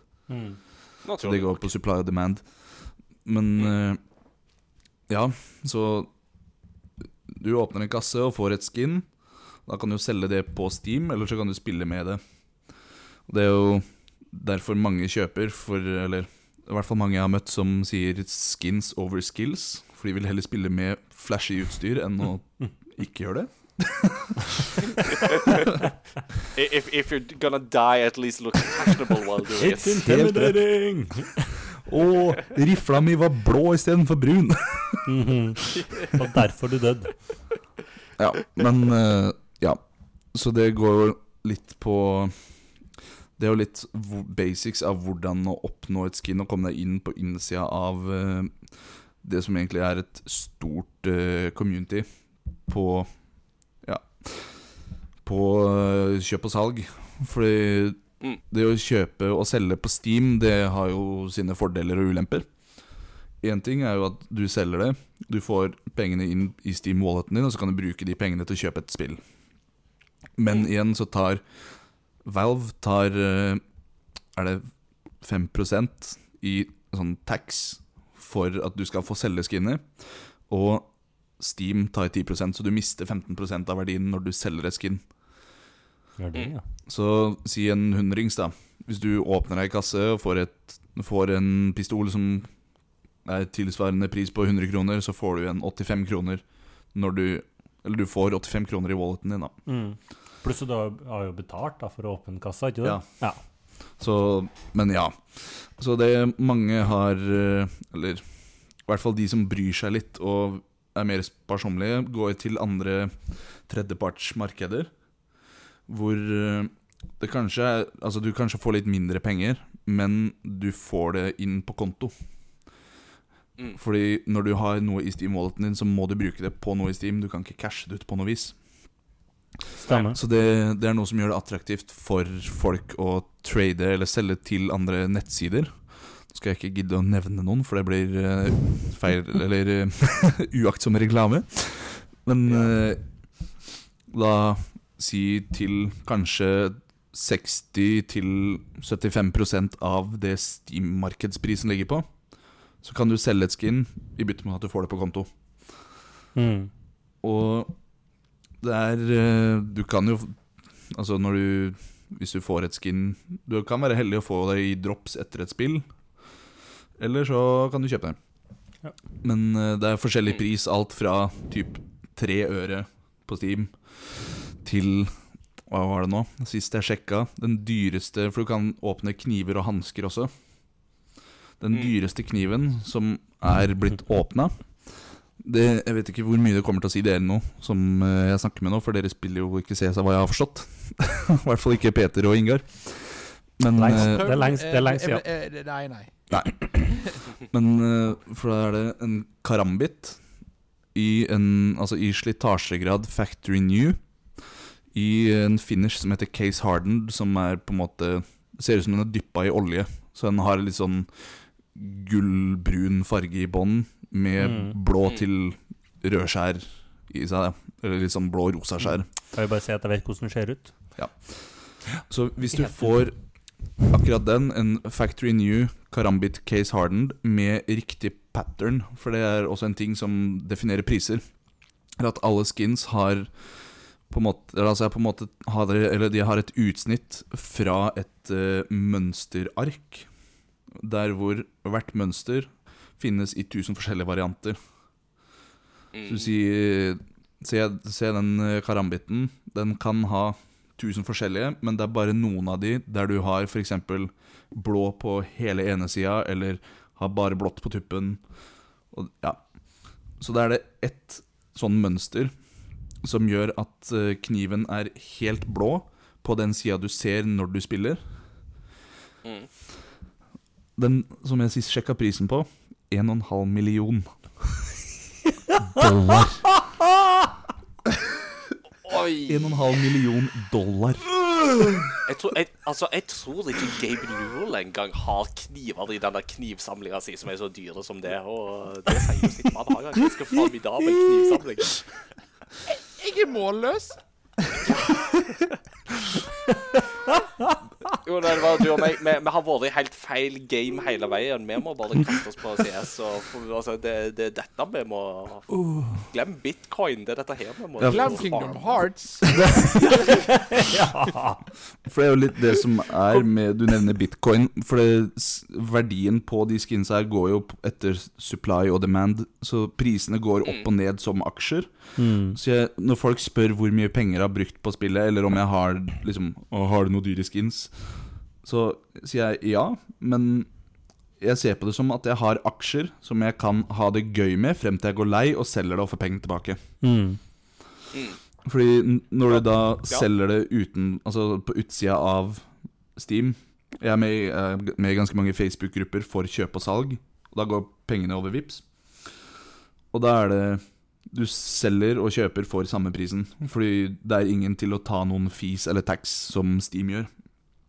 Så da kan jo jeg, i hvert fall hvis vi følger riktige kurser, kjøpe si en AK-47 bare si en til 500 kroner, kan jeg kjøpe for, ja, jeg kan kjøpe, Hvis den er 500 kroner på Steam, så kan jeg kjøpe den for kanskje 300-350 i sånn Facebook-gruppe. Mm. Og når jeg er lei av å spille med den, så kan jeg være heldig at den har gått opp i pris og skjelle til kanskje 400 kroner. Eller så kan den ha gått ned eller ligge på samme. Mm. Mm. Klassisk det er jo, aksjeopplegg. Ja. det er, jo, det er som aksjer, Mm. men du kan ha det gøy med det mens du holder på dem. Jeg får, jeg får jo bare med Mm, Jeg får jo bare med meg det her fra litt sånn fra sida. For du snakker jo, dere snakker jo en del om det i klassen, for det er mange som spiller CS i år. Og jeg blir jo fascinert, for det, det er jo en hel verden. Eh, er det, Hvor eh, økonomi har liksom fått en stor del av spillopplevelsen gjennom eh, ja, skins. Litt videre ifra um, den økonomimodellen. Men for, for, forresten, tusen takk. Altså, Nå begynner jeg endelig å skjønne litt mer av hele den der uh, greia der. Det har vært så perifert for meg. Jeg har bare visst at det finnes, liksom. Men uh, altså, CS er jo nå over 20 år gammelt. Og hvordan har det seg at dette spillet kan leve i beste velgående som e-sport? Når, den er, altså, når serien er over 20 år gammel, altså, hva er det som gjør serien så appellerende den dag i dag? Det er jo Global Offensive som da gjør det stort. Den siste implementeringa i serien som kom i 2012. Og, Men altså, i forhold til e-sport så var de tidlig ute på markedet. Vi ser eksempler fra League of Legends. De var ute i var det 2009. Men det er ikke så mange år, og det er fortsatt tidlig i e-sport-utviklingsfasen. Og da når de allerede kom seg inn på markedet, eller i, ja, på den plattformen såpass tidlig, så har de rekt å vokse seg ganske store til, eller fram til spill og gaming ble en litt mer allmenn greie. Som gjør at de som allerede har spilt i mange år, de vet jo hva spillet går ut på, og snakker med sine venner om Mm. et spill som kan dra inn nye. Men når de også da har hatt såpass mange år og vokst seg så store, så har de pengene til å lage arrangementer og turneringer og ligaer som igjen spres på sosiale medier, og får nye seere derfra. Folk som tenker 'Å, hva, 'Hva er det her for noe? Det så litt kult ut.' Du kan spille med venner, liksom. Og det gjør igjen at du får nye spillere. Så er jo hele den greia her med skins er noe som har dratt inn mange, fordi Altså, det er jo Det er jo basically gambling å åpne kasser og lootboxes. Mm. Men altså, content creators og youtubere og streamere har lagd mye videoer og pusha content på det, som igjen er blitt spredt til følgere som kanskje ikke spiller. Mm. Så det er jo øh, Hva er det han heter igjen, da? XQC, tror jeg det er en streamer som heter. Mm. Han har jo nå for ikke sånn altfor lenge siden hoppa over på CS og sett at cases er- noe han kan åpne og lage content på.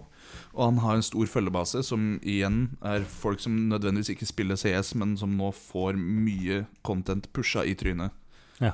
av CS og hva det kan gå ut på. Mm. Så jeg tror det er noe av det som bidrar til at CS vokser. Jeg sjekka i stad, over siste måneden skal ha nøyaktig tall på det. Hvor mange spillere som har vært på. Eh, du, du, du, du, du, du. Hvor i notatene mine var det skrevet? Der. Siste måneden så ligger snittet for spillere som spiller samtidig, det ligger på 604 000. I gjennomsnitt til enhver tid gjennom de siste 30 dagene. Med en peak på 1,1 millioner.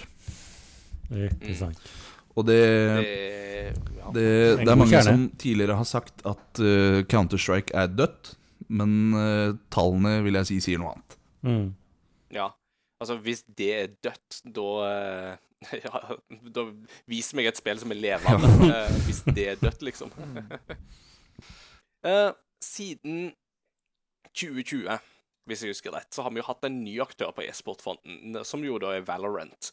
Som jo er fra Riot Games, som jo eh, står bak League of Legends, som du jo nevnte tidligere. Altså en annen stor aktør på e-sportfronten, som har liksom tenkt at de vil tappe litt inn i et uh, marked som kan prøve å konkurrere litt med Counter-Strike. For der har du jo en slags Altså Valorant kan jo på sett og vis sammen, altså beskrives som en slags sammenblanding av Overwatch møter CS. Ja, det, Um, jeg, jeg, jeg spilte det ved lansering og anmeldte det. Og for meg som en primært Overwatch-spiller, så kjente jeg at det, dette var kanskje ikke helt på en måte i mitt sjikte. Uh, for uh, de tingene jeg var glad i med Overwatch, det syns jeg Overwatch gjorde bedre. Men at det var jo litt sånn elementer her med ting som jeg på en måte knytta mer på en måte til CS, og som ja, kanskje CS-spillere vil finne dette mer appellerende. Uh, og da har jeg jo lyst til å teste hva tenker du om Valorant. Uh, og så stemmer den tesen min om at dette er mer CS enn det er Overwatch. Og hvordan føles det for en etablert CS-spiller og plukke opp Valorant og spille det? Jeg vet ikke om etablert CS-spiller er riktig definisjon, men jeg Nei, men uh, 3000 timer! Ja, tre- tre- 3700. ja Fire- timene sier nok 4000, da er man etablert. Så, Ok, Av, Ja, oss, ja. av, oss fire i det, av oss fire i denne episoden her, så er du helt klart Ja. mest etablerte eh, Men ja, uh, Valorant Jeg eh, har ikke spilt det sånn kjempemye, egentlig. Uh, altså Det ble jo lansert nyheter om at det skulle komme, og streamere hadde fått eh, litt sånn forhånds-beta-testing. Og da var det muligheten for å få en beta-key i drops ved å se på streamere som streamer Valorant. Så det var min inngang til det spillet. At jeg satt på PC-en min om natta mens jeg sov, med Valorant streams på i 20 timer, bare for å få en beta-key. for jeg tenkte det her, det her ville jeg teste, og se hvor likt det eventuelt er CS. Og på den tiden så hadde jeg ikke spilt noe Overwatch, så jeg visste ikke helt hva abilities ville gjøre med et spill. Stemmer. Mm. Så det har jeg jo nå siste Skal vi se Siste ukene så har jeg Eller er ikke Ja, siste måneden i hvert fall jeg hoppa litt over og prøvd å se litt på Overwatch.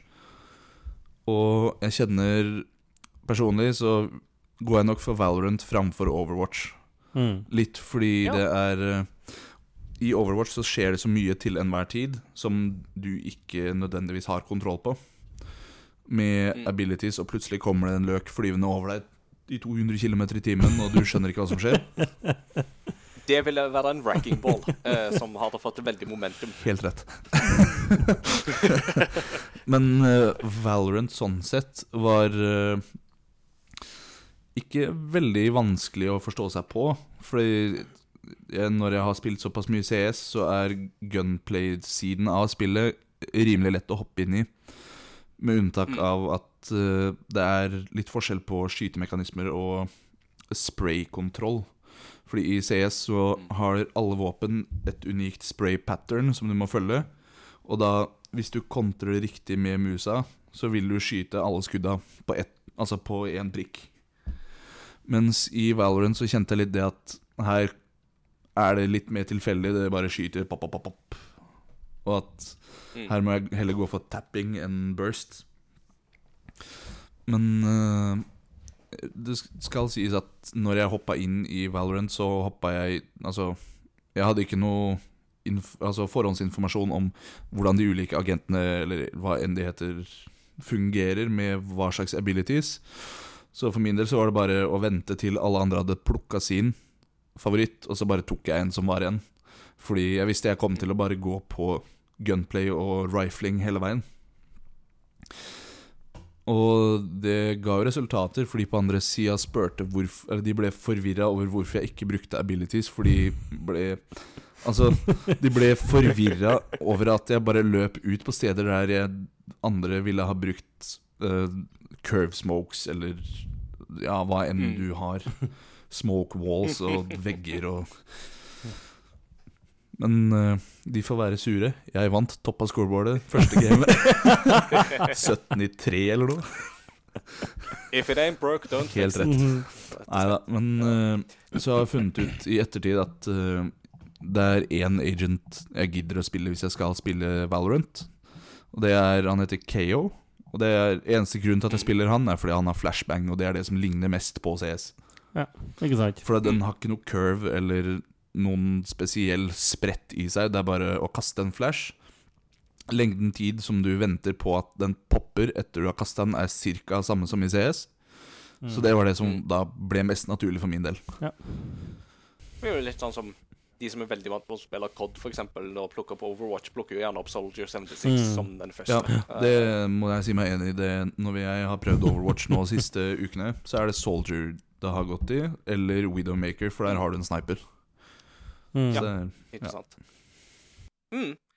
Helt til slutt. Uh, hvordan tror du at CS vil utvikle seg videre? Eh, tenker du, Er det et håp om at Valve vil komme på ballen igjen og utvikle serien videre?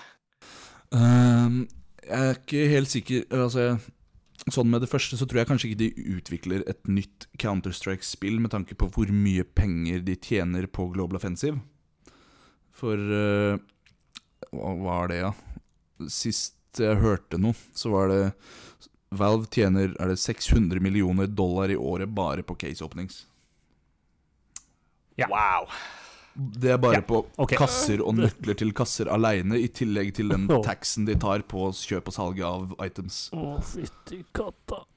Det er så det- mye penger. Ja, altså Når uh, Gaben sitter uh, på sin uh, store trone, da Med Med knivsamlinga. knivsamlinga, ja. Jeg lurer på om Har han en, et par skins det vet helt for seg sjøl, som han bare har der liggende til en vakker dag, så bare sånn mm, By the way, den her finnes bare én av den. Bro. Nei, men Out of my way, peasant. Ja, nei, men uh, frem til uh, Counter-Strike, eller i hvert fall Global Offensive, slutter å tjene såpass mye penger, så tror jeg nok de kommer til å holde på det spillet, men det kan være at de videre utvikler det. Det har vært noen rykter om at de driver og ser på muligheten for å hoppe over fra Source Engine til Source 2. Ikke at jeg vet helt hvor mye endring det kommer til å gjøre, men eh, det er en mulighet for eh, I hvert fall noe community har spurt lenge om, er bedre anti-cheats og 128 tick servere, som gjør at gameplay er litt mer smooth, og fikse matchmaking. For det har vært litt Mm, rotete med rank differences og gaps og litt ditt og datt. Så det er sånn Hvis de fikser det på sikt, så tror jeg kanskje det vil gjøre at flere fortsetter å spille. Ikke nødvendigvis at de trenger et nytt spill for å ha et nytt spill, men det blir jo på en måte forbedra det de allerede har. For per nå så er det mange som spiller på tredjeparts matchmaking-servere for å ha nettopp det bedre anti-cheats og spille smoothere, fordi uh, Valve sine servere er 64 tick kontra 128 hos f.eks. Faceit eller E-sportal, som er noen av de største da tredjepartsaktørene. Mm. Så Ja, altså, jeg, jeg tenker Elias jeg, jeg må jo bare si igjen takk for denne forklaringen. Jeg syns det er så kult å høre på, fordi at eh, Jeg syns dette viser veldig mangfold i spillverden. For jeg skjønner ikke en døyt. Hilsen Kingdom Hearts-fanen. Eh, jeg jeg syns det er så kult, fordi at altså og du snakker altså C-spiller, det høres ut som aksjearbeider. Du snakker om eh, skin trading og igjen Og måten å sitte og ha PC-en på 20 timer på Twitch for Altså, dette er jo en helt annen rase enn jeg er, som sitter og spiller Nintendo og Crash Bandicoot. Dette er forskjellen på Nintendo og Glorious PC Mhm. Master Race. Ja, ja, men, men jeg syns det er så kult at det er, altså, det er så stor spennvidde her. Det, er- jeg syns det er så gøy å høre på, for jeg skjønner ingenting. Men dette er jo liksom hobbyen min. du får adde meg på Steam. og Jeg gjør jo liksom dette. Det er jo å game. Altså, nei ja, det, det, å, jeg, altså, takk, Elias. Velkommen til mitt liv som gaminglærer. Jeg skal liksom kan det her. Det, Det skal sies jeg har litt for mange tusen timer på Mario og Mario Kart på både Wii og DS. oh dear.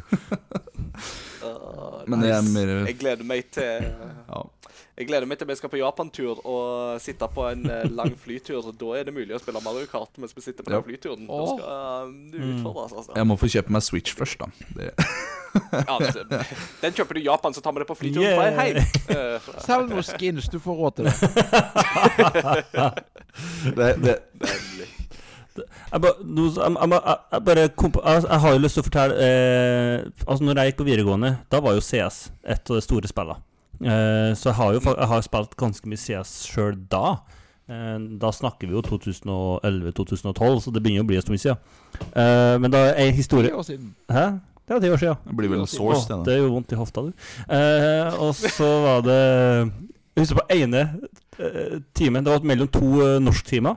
Uh, og så er vi en gjeng da, som sitter på fremste rad og spiller CS. Og så får, hører vi jo at nå starter timen. Og vi tenker jo at nei, han legger sikkert ikke merke til at vi bare skal spille ferdig. Eh, og så er det en sånn eh, Ja, vi er på hver vår side av mappet, og så driver vi egentlig bare og sniper hverandre. Og så er det, det kjempejevnt. Det er liksom neste kill, vinn. Og så ser jeg motstanderen i snipersiktet og fyrer av. I det øyeblikket lagkameraten min springer foran. Så jeg ser bare at jeg skyter lagkameraten min, og jeg roper jo 'nei!' og du altså, jeg, jeg kjente blikket til norsklæreren. Og jeg sitter pinnestiv og holder på å dø 13 ganger. Og han reiser seg sakte opp og tusler bort til pulten min og bare stenger ned den skjermen. Var daue. Det var helt pyton. Og så tapte vi jo, da, for jeg tok, jeg tok headshot på begge to, men vår daua jo først, så det Nei, det Jeg minner meg om noe på ungdomsskolen. Jeg, jeg hadde med, satt med laptopen og skulle skrive noe greier. Det var da jeg spilte Unturned. Yeah. Jeg satt og spilte, for jeg hadde funnet ut at i, eh, i gamefiles så kan du, hvis du finner riktige filer, gå inn og gjøre om på noen nummer som gjør at du får skins der òg. så jeg satt jo og lagde liksom regneark på hvilket nummer som er hvilket skin. Helt fram til jeg var sånn Fant et kult et sånn Yes! Sånn Oi, da ser jeg læreren og sånn Nei, nei, nei, det går bra. Det er bare PC-en som frøys, men uh, fiksa seg nå. Oi, der er du rask. Eh, Det, det var en liten hvit en, men eh, ja, jeg slapp unna for PC-en klappa igjen, i hvert fall. Ja, det Der fikk, der fikk du rodd deg inn. Der fikk du rodd deg inn. Nei, men uh, herlig. Uh, tusen takk for den eh, gode gjennomgangen av CS. Det var veldig veldig bra. Og med de uh, lattermilde historiene der, så tar vi nå en liten pause. Og så kommer vi tilbake, og da skal vi høre litt blant annet om hva spillsjangere som våre lyttere ikke liker. Uh, pluss litt om hva vi har spilt siden sist. Straks tilbake.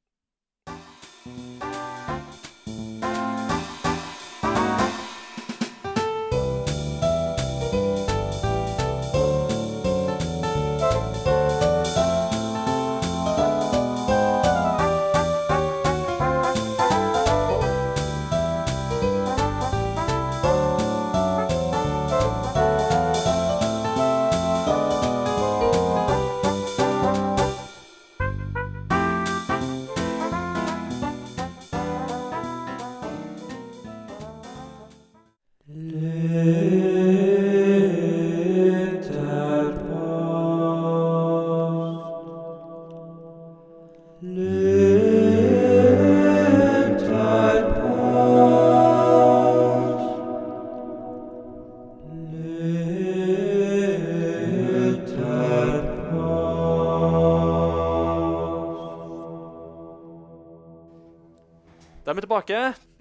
Oslo kan de rapportere om både god drikke og eh, gifler. Vi hadde en eh, veldig interessant diskusjon i pausen her. Hva er eintallsformen av gifler? Eh, min teori er at det må jo selvsagt være en gif. Eh, og da er jo spørsmålet om det skal kalles gif eller gif. Så ja. Sånn Nei, nei, jeg tenker det heter giffel. Giffel. Ja. Giffel. En giffel. Ja. Kan jeg få en giffel? Mm. Og, ja, og da er det giffel og ikke gifle. Eh, så, Ja. ja. Stemmer. De lærde kan stride her. Kanskje vi må Men- ringe på igjen og Hvis du da et en giffel, det blir jo gifle. Åh, der, der drar du Så nå, nå sitter jeg og gifler. Ja, du sitter og gifler. Ja, Da har vi fått det etablert. Men det var ikke det vi spurte lytterne om. Uh, I lytterposten så hadde vi nemlig spørsmålet om hva spillsjanger de liker minst, og hvorfor. Eh, jeg bare sa jo sånn Ja, la oss bare håpe vi ikke får 90 fot sportsspill, så uh, da hadde det jo fått blitt eh, hvilken spillsjanger liker du minst, og hvorfor er den Fifa? uh, men eh, faktisk har vi fått en ganske bredde i uh, svarporteføljen her, så det er jo veldig gøy. Så jeg kan begynne i Facebook-sjiktet. Der har den røde sokken sjøl, Torstein Rødsokk, skrevet Det er jo mange spillsjangere som er helt åpenbart ikke markedsført til min demografi, så jeg tenker det er meningsløst å gå i den retningen. Men en spillsjanger som er veldig populær i min demografi, som jeg aldri har likt, må være stealth. Maybe an unpopular opinion, men jeg føler stealth har bare vært en slags irriterende middle ground mellom action og puzzle som ikke er tilfredsstillende i noen av retningene. Et unntak er vel i skrekkspillsjangeren, der jeg føler stealth har en mye sterkere effekt, spesielt der du ikke har muligheten om å slåss og dør om du blir sett. Ja, en Kjempebra mm. argumentert, syns jeg. Det var Mm. veldig spennende take. Jeg liker jo stealth. ja, Eller jeg Ja, og stealth, høyst uenig, så det ja, men det var en veldig spennende take på det, og ikke minst Mm. det med at det fungerer bra i skrekk. Eh, skrekk det, um, ja. Godt argumentert, Torstein. Eh, tommel opp for den, altså. Jon Edvard, har du lyst til å ta for deg eh, noen av svarene som har kommet inn i eh, Discord? Jeg har eh, valgt ut selveste Nesmann. Eh, han har to stykker. Eh, Og den første Han er jo da enig med stealth-spill. Uh, jeg har ikke tålmodighet til det, og jeg blir rasende frustrert av at det aldri lønner seg å rope inn guns blazing og rope 'Leroy Jenkins!' Med da syv utropstegn, eh, må vite. Det passer bare ikke meg, dessverre. Sjanger nummer to er fighting-spill. Jeg har heller ikke her tålmodighet til å lære meg combos, og alt det medfører av grinding for å mestre. Og så er det veldig ensformig. Så eh, Nesmann tar da stealth-spill og eh, fighting-spill, eh, og vi sier til eh, vår alles kjære eh, opp. Eh, bli- bli litt mer tålmodig, da.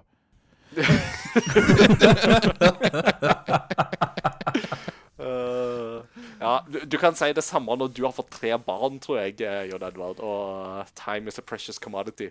Det, det, det kan det være jeg trenger noen sier til meg òg, for så vidt. Det- Ja. Nei, jeg skal ikke bli blant de der som bare sånn her, Bare du får barn, så skjønner du greia. For den der den får deg hele tida. Det er bare sånn her, nå, Du kan faktisk ha lite tid og lite krefter selv om du ikke har barn. Så det er så. Ikke? Småbarnsforeldre Småbarnsforeldre har ikke monopol på å være sliten. Sånn. Det var rant det var, nå, nå, Eh, nå åpner vi noe her. Nå dette, dette skal jeg ikke ta på utover våre lyttere. Det får jeg heller ta i et lønnkammer med Gud eller psykolog. Det er alt dette hva kategori dette faller i nå, da. Why Uh. Petter, har du, lyst, har du lyst til å ta noen svar? Ja, jeg er jo det, da. Uh, Kristian Komlesopp. Tre bokstaver. F, P, S. Finner, finner det å spille i first person desorienterende og klaustrofobisk. Kan takle det hvis spillet har lavt tempo.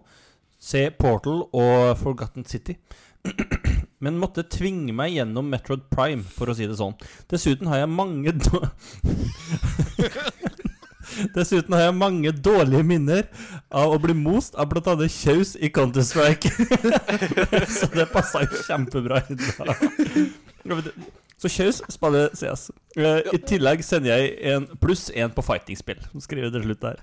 Ja, den var jo eh, absolutt eh, Absolutt fin. Mm. Uh, det er tydeligvis uh, holdt på å si, Det er de sjangere som har frustrert oss mest, Med liker minst, uh, får jeg litt sånn inntrykk av. Så Mm. ja. Eh, Elias, har du lyst til å eventuelt prøve deg på en eh, på, Ja. på, et, på et svar, hvis du vil?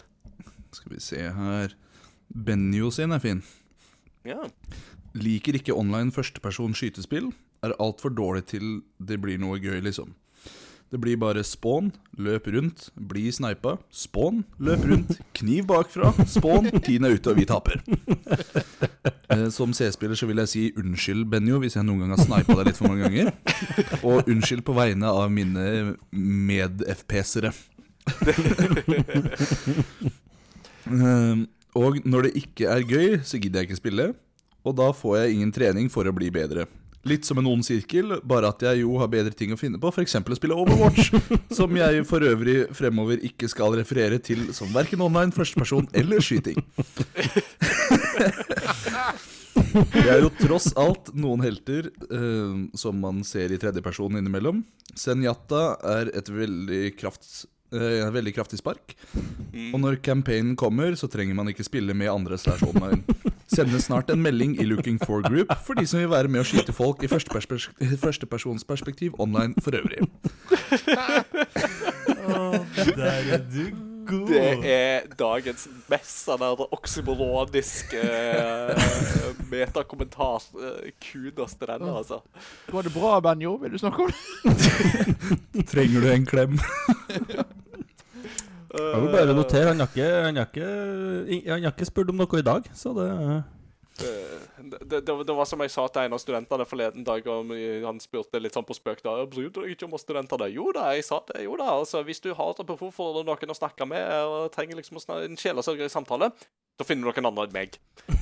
Det som jeg bryr meg om deg, det er at jeg sier det at du må finne noen andre å snakke om det enn med meg. For det, for meg så får du ikke den responsen. Du kan komme til meg når du trenger å vite hvem som er den sterkeste Star Wars-rollefiguren, eh, eller eh, trenger gamingtips. Eh, Mm.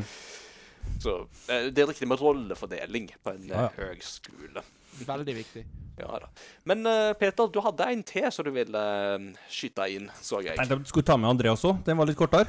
Mm, Så Ja. da bare da, da Vi tar oss tid. Bestemte jeg oss. Mm. Den sjangeren jeg liker minst, er nok high score-baserte puslespill. Klarer ikke å finne noen motivasjon for å bli bedre når eneste motivasjon er å slå sin egen high score. Nei, Den har men, eh, litt forståelse for. Mm. Nei, samme her. Samme her. Mm. Jon Edvard, er det en sjanger uh, som uh, du kommer til kort på? Åh, nå, jeg, jeg liker ikke å bli spurt sånne spørsmål, for da får jeg bare flere uvenner.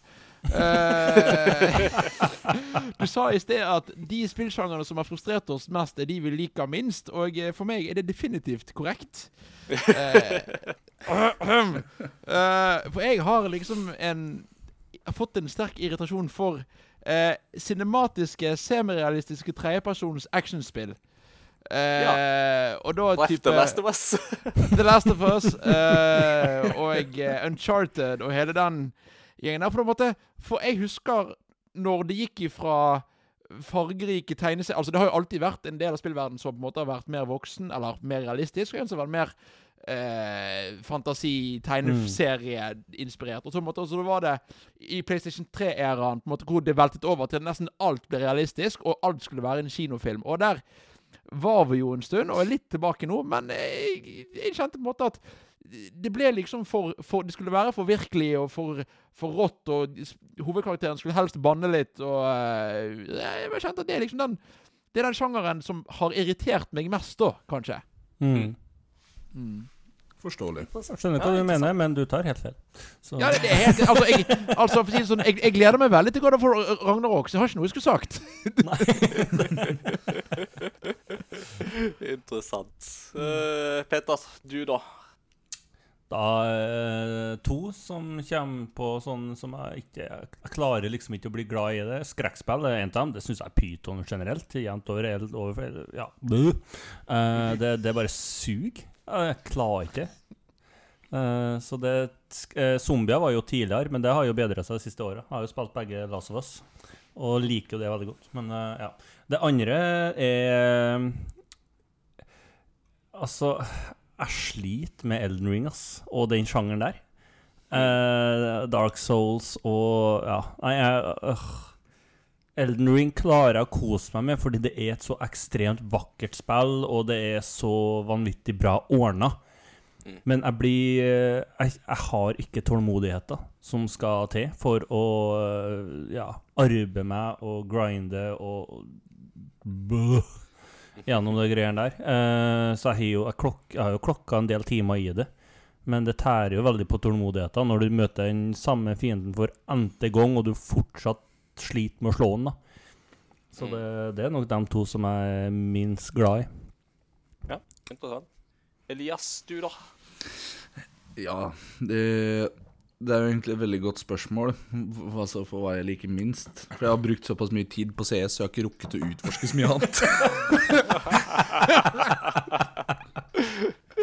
Men uh, for min del så tror jeg jeg sier eh, MMORPGs. Ja. Mm. Type World of Warcraft. Ja, jeg prøvde det i fjor, for det var en i klassen som hadde som fordypningsspill. Hadde han jo på besøk òg i episoden? Ja, stemmer. Christian. André. Christian! Christian André. Så det prøvde jeg i to timer. Aldri igjen. Aldri igjen. Ja, men Så bra at du fikk den, Altså, så hadde du noe å si nå. Det var, det var derfor vi hadde det. Ja, ja. Mm. Everything has a purpose. Oh, Nei, yes. det blir litt for mye å holde styr på på en gang når du står der med 14 andre og skal fighte mot en boss og må huske hva han nummer tre i rekka har som item nummer ni. Jeg, jeg klarer ikke. Ser den, ser den. Nei, jeg um, sjøl vitsa jo litt med at 90% av svarene hadde blitt Fifa. Uh, det ble det ikke, så da må jo nesten jeg nevne Fifa eller sports, sportsspill. Uh, sportsspill er nok min svakeste liste, i alle fall de som på en måte går på en måte sånn realistisk uh, sjanger. Altså, Jeg spilte jo Mario Strikers tidligere i år, da syntes jo det var gøy nok.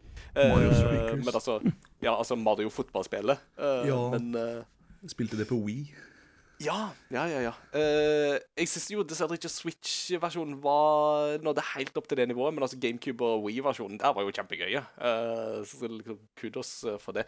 Men sånn realistiske sportsspill, der dette er jo dessverre av, for det mangler jo Men det handler jo mer om at det bare mangler interessen. Uh, så ja. Jeg trenger jo egentlig på en måte ikke si at jeg liksom misliker Holdt innholdsløse, tomme hentai-spill. Altså, det på en måte sier jeg jo nesten sjøl. Mm. Men uh, jeg får slenge det òg inn der.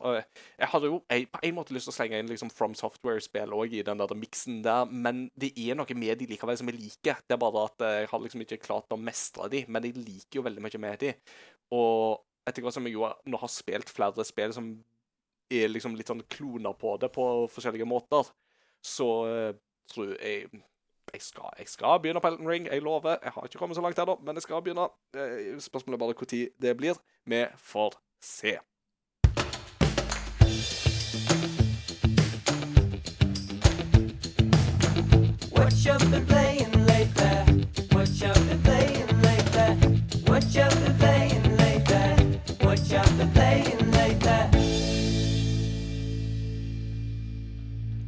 Og eh, det passer jo veldig godt å pense over da til hva vi har spilt siden sist. Eh, Jeg kan Sorry, det var Nei, bare jeg ikke altså, Elias har blitt så distrahert, og nå skjønner jeg hvorfor. Det, altså, vi har en nabo over gata som har Ja. en veldig stor TV, Og et veldig åpent vindu. og, da, og han sitter og ser på CS-kamp. Det er, eh, det er eh, mesterskap nå om dagen, skjønner du. Så i dag går kvartfinalen i det som for fotball er Champions League. Det, det, altså Champions League i CS spilles nå. Kvartfinalen går. Altså, jeg, jeg, jeg, må, Eh, jeg må bare si at for min del, det å prøve å forklare CS med fotball hjelper ikke så mye. Nei. Um, Men for de der ute som tar den um, Ja da, ja da. Uh, Men uh, Ja da. Øh, det, var, det var CS, og det har vi snakka snakket om i del gardina, 1. CS har vi jo snakket om i del 1, men nå i del 2 av episoden så snakker vi om hva vi har spilt siden sist. Yep. Jeg har ikke spilt Elden Ring. øh, det er så langt har jeg ikke kommet. Men Peter, du har derimot lånt Elden Ring av meg tidligere. Mm. Har du fått spilt noe mer på det? Ja, det er glemt å lage. Jo da, jeg har fått spilt litt, rann, ja. eh, men eh, det har jo vært eh, som sagt sykdomsprega periode, og da, da er ikke Elden Ring det klokker opp, ass, kjære vene. da, da, jeg dør nok IRL. Det trenger ikke en taus. Se, se den. se den. Har du en kommentar på det? Ja, hvor mange ganger har du dødd? Ja, det har jeg. Uh, det, det, det er det eneste svaret jeg har på det. Uh, så jeg får many? Yes. Ja, men yes. Indeed. Litt rann, ja. Et par, par runder Overwatch. Endelig fått testa Overwatch 2. eh, så det var jo mildt sagt på tide. Eh, men det òg var jo ikke et spill som jeg gidda å ta opp når jeg var syk. Eh, så, men jeg var, altså første runde jeg, har jo fått, jeg, jeg har jo ikke spilt det på ganske mange måneder, Overwatch eh, generelt. Eh, og det å ha første runde på sånn fire-ish måneder med, og ende opp med hva var 26-27 kills, eh, det, det, det, det er jo meget, meget fornøyd med, da. Ja, det, det må Um, vi si. Mm. Og så har vi jo mm, Takk. Og så har vi jo God of War nå som ukas spill. Eh, nå at, altså, jeg tenkte jo nå som Ragnarok skulle komme, at da må vi jo ha det som ukas spill, så at eh, ungdommen eh, blir gira på et, eh, en fantastisk spillserie. Og responsen fra elevene har jo fulgt etter òg. Det er jo et, eh, et vanvittig bra spill. Så da hadde de Eh, bare sagt Oh boy! Mhm. Så, det, så jeg sitter jo og spiller sjøl nå og syns det er Altså, det er fortsatt helt fantastisk, Mm. eh, det spillet der. Og så har jeg spilt litt flysimulator i det siste. Det, Ja. eh, mm, jeg, jeg fikk jo kjøpt av eh, en del utstyr til en kamerat for noen år siden. Og så skulle jeg installere det nå i sommer, for da ordnet, fikk jeg jo sånn Xbox Gamepass gratis. Ja. Eh, og så fikk ikke jeg til å laste ned og installere spill. Og etter ja. hvert så fant jeg ut at å ja, PC-en min har ikke oppdatert seg sjøl. Det skal ikke være så vanskelig, tro, tro, trodde jeg. Eh, det, det, det, her, det her var i sommer. Eh, skal vi se, i dag er torsdag. Ei, ei uke og to dager siden, tror jeg, da fikk jeg fiksa det problemet. Og da Eller Nei, ja, ikke klapp ennå. Da, har jeg googla skiten ut av internett for å prøve å finne svaret på Og med feilkoder og alt mulig rart, og styre på og holde på. Og jeg har ringt på Microsoft og hørt hva er problemet, og så ble jeg henvist til den samme problemsida som hadde vært på 389 000 ganger før. Ja, Ingar? Det, dette er jo fantastisk. You call Microsoft, you have a problem with your computer. oh, how the tables have turned. Åh, så det var jo totalt ubrukelig. Eh, Så til slutt så eh, måtte jeg jo bare henvise meg til den eh, beste IT-kompetente mannen i mitt nærområde som jeg vet om, og det er jo Benjo. Eh, ja da. Så jeg satt og sloss med PC-en i to og en halv, tre måneder for å spille flysimulator, og han koste seg med PC-en min i én time eller noe sånt. Eh, Men det var altså Han måtte innrømme Altså det var noen rare greier med installeringa av Windows i utgangspunktet. Så det var et veldig krøkete eh, eh, opplegg.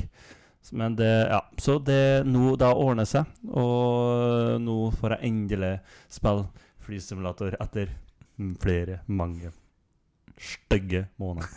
Så nå går det endelig som en dans. Nå går det som en dans! Åh, Oh, ja, nesten er problemet ene spaka. Så, men Én ting av gangen. Ett problem av gangen. Jeg kan spille flysimulator, og jeg er storfornøyd, for det er, det er så deilig. Mm. Det Åh, det er utrolig kos. Og det må jo være et bra spill å spille når du er litt sånn groggy og litt sånn Bare på en måte lene deg litt tilbake og Mhm. fyke litt og bare se på utsikten og sånt. Det må Ja, være bortsett fra at jeg fikk ikke fiksa det før jeg var frisk, da. Men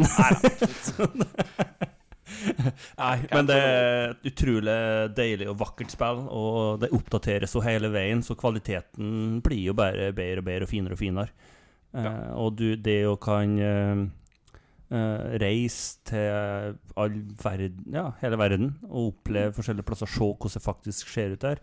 Mount Everest, kjempefint. Uh, der var jeg nå, der var, der var jeg nå på hva var, lørdag eller noe sånt. Søndag. Ha- Har du sjekka ut åssen huset ditt ser ut i spillet? Eh, det gjorde jeg f når jeg prøvde til deg, Ingar. Var det det? Nei, til deg eller til Even. Jeg husker. Ja. Så han En annen kamerat eh, som Så jeg har sjekka ut det. Og Inderøya har de ikke lagt mest mulig arbeid i. Av uforståelige grunner. Så hu hu huset er der. Ja. Det ser ikke sånn ut. Jeg fant huset til mamma og pappa på Askøy, da. Eh, inkludert det der det store, den store edelgranen som er der, men det skal ikke noe til, for den kan du se fra månen. Så den er så svær. Eh, jeg, jeg er styggredd for at den kommer til å falle over huset deres en gang i en eller annen høststorm. Neste, så neste, når neste storm med dobbeltnavn slinger seg inn over Vestlandet, da tror jeg den kommer til å dette over. Brr. Men ja, uh, snakke om folk som har dobbeltnavn. Jon Edvard, hva har du spilt siden sist? Jeg er ikke klar for Jo, uh, nei, jeg har uh, prøvd meg på uh, Ghostbusters Spirits Unleashed. Oh, Ghostbusters! Oh yes, Det har jo vært halloween siden jeg var med sist, og i sann halloween-ånd så ble det litt Ghostbusters. Og det er jo det nyeste spillet fra Ilphonic, som har utviklet både Friday the 13th og eh, Predator Hunting Grounds, altså da multiplayer-spill hvor fire Eller en, en gruppe spillere eh, spiller eh, vanlige mennesker, eller i dette tilfellet Ghostbusters, og da den siste spilleren kontrollerer da en form for monster, eller da her spøkelse. Mm. Uh, det er online multiplayer-spill. Eh, de som spiller Ghostbusters, spiller jo da egentlig et førstepersons skytespill. Og uh, de som spiller spøkelse, flyr rundt og skal da hjemsøke huset. Ja, så gøy. Dette er vel den type sjanger som du kaller for asymmetrisk multiplayer. Eh, Stemmer. Med at du har én versus fire, for eksempel. Korrekt. Ja. Eh, og her er det akkurat det 1 versus 4, og det er for en som eh, ikke er verdens største skytespillfan, så er liksom Ghostbusters-delen av spillet er såpass enkel å skjønne for alle at eh, eh, skytingen minner kanskje mest om Winston fra Overwatch. Mm. eh, med at du da må sikte på spøkelse. eh, og Er Eh, men uh, Ja, og det er liksom Det er lett, det er gøy, det er raske kamper, og det er sånn at det går an å gjøre teamarbeid, men det er òg veldig enkelt på en måte å spille som fire separate spillere og jobbe sammen uten at Man må ikke ha voicechat og alt dette, så det er veldig eh, Ja, veldig enkelt, variert gameplay. Gøy historie med flere av Flere av skuespillerne fra originalfilmen. Eh, og av alle ting Greg Miller fra Kind of Funny som et spøkelse. Eh, så det er jo artig. Jeg er jo Kind of Funny-fan. Uh, men det er liksom det uh, Ja, veldig gøy sånn Ja, nå er, det, nå er det halloween. La oss ha noe Ghostbusters-opplevelse. Artig spill. Kult. Hvordan er liksom ditt sånn forhold generelt til Ghostbusters eh, 1 og 2, og eventuelt det forrige spillet, som jeg jo på langt på vei karakteriserer som Ghostbusters 3? Ja, Ghostbusters the video game du tenker på der? Ja. Ja, nei, min, min, mitt forhold til serien er at jeg elsker konseptet. Jeg elsker uh, Altså, hvem elsker ikke Ghostbusters-låten? Eh, og jeg, alt det. Jeg synes uh, jeg synes fil, eh, filmene er ikke like gode som konseptet, men det er sjarmerende. Jeg vil egentlig det. Det er sjarmerende verden. Pluss én. Spennende. Mm. Kult, kult. Har du noe mer å bringe til klassen, eller skal jeg spille ballen videre til Elias? Du kan spille, spille ballen videre til neste. Ja, uh, spille ball er jeg ikke så veldig flink på, men jeg prøver likevel. Så Elias, her, her, eh, jeg gir deg et tappert forsøk. Så um, hva spill har du lyst til å presentere for klassen i dag? For klassen så har jeg lyst til å presentere God of War, som Peter nevnte i stad. Vi har det Ja. som ukaspill. Det er jo med klassen, til og med. Med klassen, ja. Det hittil kjempenice. Digger det. Har du spilt før? Nei, det har jeg ikke. Så Men jeg liker litt det Altså, jeg er litt sånn ranged player. Så jeg liker det at jeg kan stå 20 meter unna og kaste økser på folk. Det slutter aldri å bli tilfredsstillende. underveis. Underveisen der. Nei, så Ja, bare den lyden av headshotte noen der med øks, det oh, Knaser langt inn i Oh boy! boy! Boy! Nei, nei, men eh, ja. Så det har jeg spilt. Eh, Jeg har spilt overraskende mye Guitar Hero. Ja, jeg har sett en Jeg så en Insta-story på at det var noen som spilte Guitar Hero. Var Mm. det deg, det, kanskje? Nei, akkurat det var eh, Samuel, en av gutta i klassen, som hadde med seg noen sånne Wii-gitarer hjem etter høstferien. Og hadde fiksa seg noen ledningadaptere så vi kan spille på PC. Og da er det gjennom en sånn ja, Det er jo ikke offisiell Guitar Hero som har lagd det, men det går ut på det samme med samme oppsettet som i spillet. da. Ja. Så du kan spille litt mer eh, nåtidens sanger, og ikke det som var på 2000-tallet. Ja, riktig. Å, dette her tror jeg at jeg kjenner til, for jeg har sett noen som har um, uh, Skal vi se Det er Er det det som heter Clone Hero? Ja, stemmer. Yes, for at jeg har sett noen som har tolka sanger fra Metal Hellsinger, som jeg jo spilte i september, på ja. Ja, Clone stemmer. Hero. Så jeg har da lånt ene gitaren hans og sitter og spilt en del. Så nå vurderer jeg å ta en pause, fordi vi skal ha konkurranse i gitarer opp på LANet som vi skal arrangere om halvannen uke. Og den tenker jeg å vinne. Kanskje jeg må stikke innom. Jeg har jo Ja, en ja, ja. lang eh, fartstid med Guitar Hero sjøl, så Ja. Ellers har jeg spilt uh, Town of Salem, som er uh, et spill som jeg ikke egentlig hadde sett for meg at jeg skulle begynne å like. Men som jeg nå sitter på en 250 timer på. Men det, det er over eh, Skal vi se to og et halvt år. Tre uker. Nei, to år. Men eh, Det, jeg vet ikke om dere er kjent med det, men Jo, eh, Nei, det er det der du har drevet med, ja. Er det, er det det som er litt sånn uh, Among us før Among us? Ja, Mm. kan Ja. si det sånn. Det, Mafia? En uh, landsby der det er 15 innbyggere. Og går da litt ulike game modes, men der jeg spiller, så er det tre stykker som er eh, Eller blir assigned som mafia. En som er seriemorder, og de andre får litt ulike roller. Av uh, f.eks. investigator, sheriff, eh, fengselsvokter, doktor eh, Hva annet har vi? Eh, krigsveteran. Og da skal alle de, i løpet av nettene som går, prøve å finne ut hvem som er onde i byen, og da få de kasta ut av spillet. Enten ved at fengselsvokteren kan fengsle dem om natta. For da han som er eh, fengselsvokter, kan hver natt ta inn én person. Om han ikke syns de er noe kule, så kan han velge å henrette dem. Så da er det jo lurt å ha gode unnskyldninger hvis du ikke er på laget hans. og eller så er det i løpet av eh, dagstid i det spillet her, så snakker man om resultater man har funnet i løpet av natta. F.eks. hvis politimannen har funnet ut at det er suspicious activity hos en av de andre medlemmene av byen. Da. Mm. Da kan man stemme ut en og en av spillet. Så er det om å gjøre for byfolket å eliminere eller få ut alle som er onde. Så er det om å gjøre for mafiaen å ha, eller stå igjen som eneste folk i byen. Og det samme gjelder for han som er seriemorder. Men eh, jeg vil si det er bare sånn liten digresjon på hva det spillet egentlig går i, og min tanke på det. Men eh, det er morsomt, eller det er morsomst å spille som ond, men det er vanskeligst å spille som ond. Ja, Ikke sant? Så det går litt på hva du føler for. Hvis du er sånn i humør for å vinne, så håper du på å bli Eller for min del, i hvert fall hvis jeg tenker at det, nå skal jeg gå for en easy win, Mm. så håper jeg at det blir uh, Tau 9. Ja. Og det kan man bruke scrolls for, som du kan enten kjøpe eller få tilfeldig i sånne event, eller seasonal events. Som du da kan bruke for å øke sjansen for at du får den rollen du vil ha neste runde. Mm. Men, ja. Så det er eh, ja, Among us for Among us, og, eller eh, gamle sånn type mafia-ukespill. Mm. Og så har jeg Forræder, så er det vel det siste nye, så det går på TV2. Forræder. Mm. eh, Ja, stemmer. Ja, typ sånn. Ja. Eller så har jeg spilt uh, Overwatch. Så har jeg testa litt. Mm. Fordi jeg så i serveren at det var noen som skulle spille, og da tenkte jeg ja, jeg har Overwatch 1-filene installert på PC-en, så kan jeg like gjerne oppdatere de. Ja, ikke sant? Da gjorde jeg det, så har jeg sittet og spilt litt. Går mye i uh, Soldier og Widowmaker. Mm. Eller så har, er det jo en, på en måte en no-brainer for min del med tema på episoden i dag at jeg har spilt CS. Ja. Er,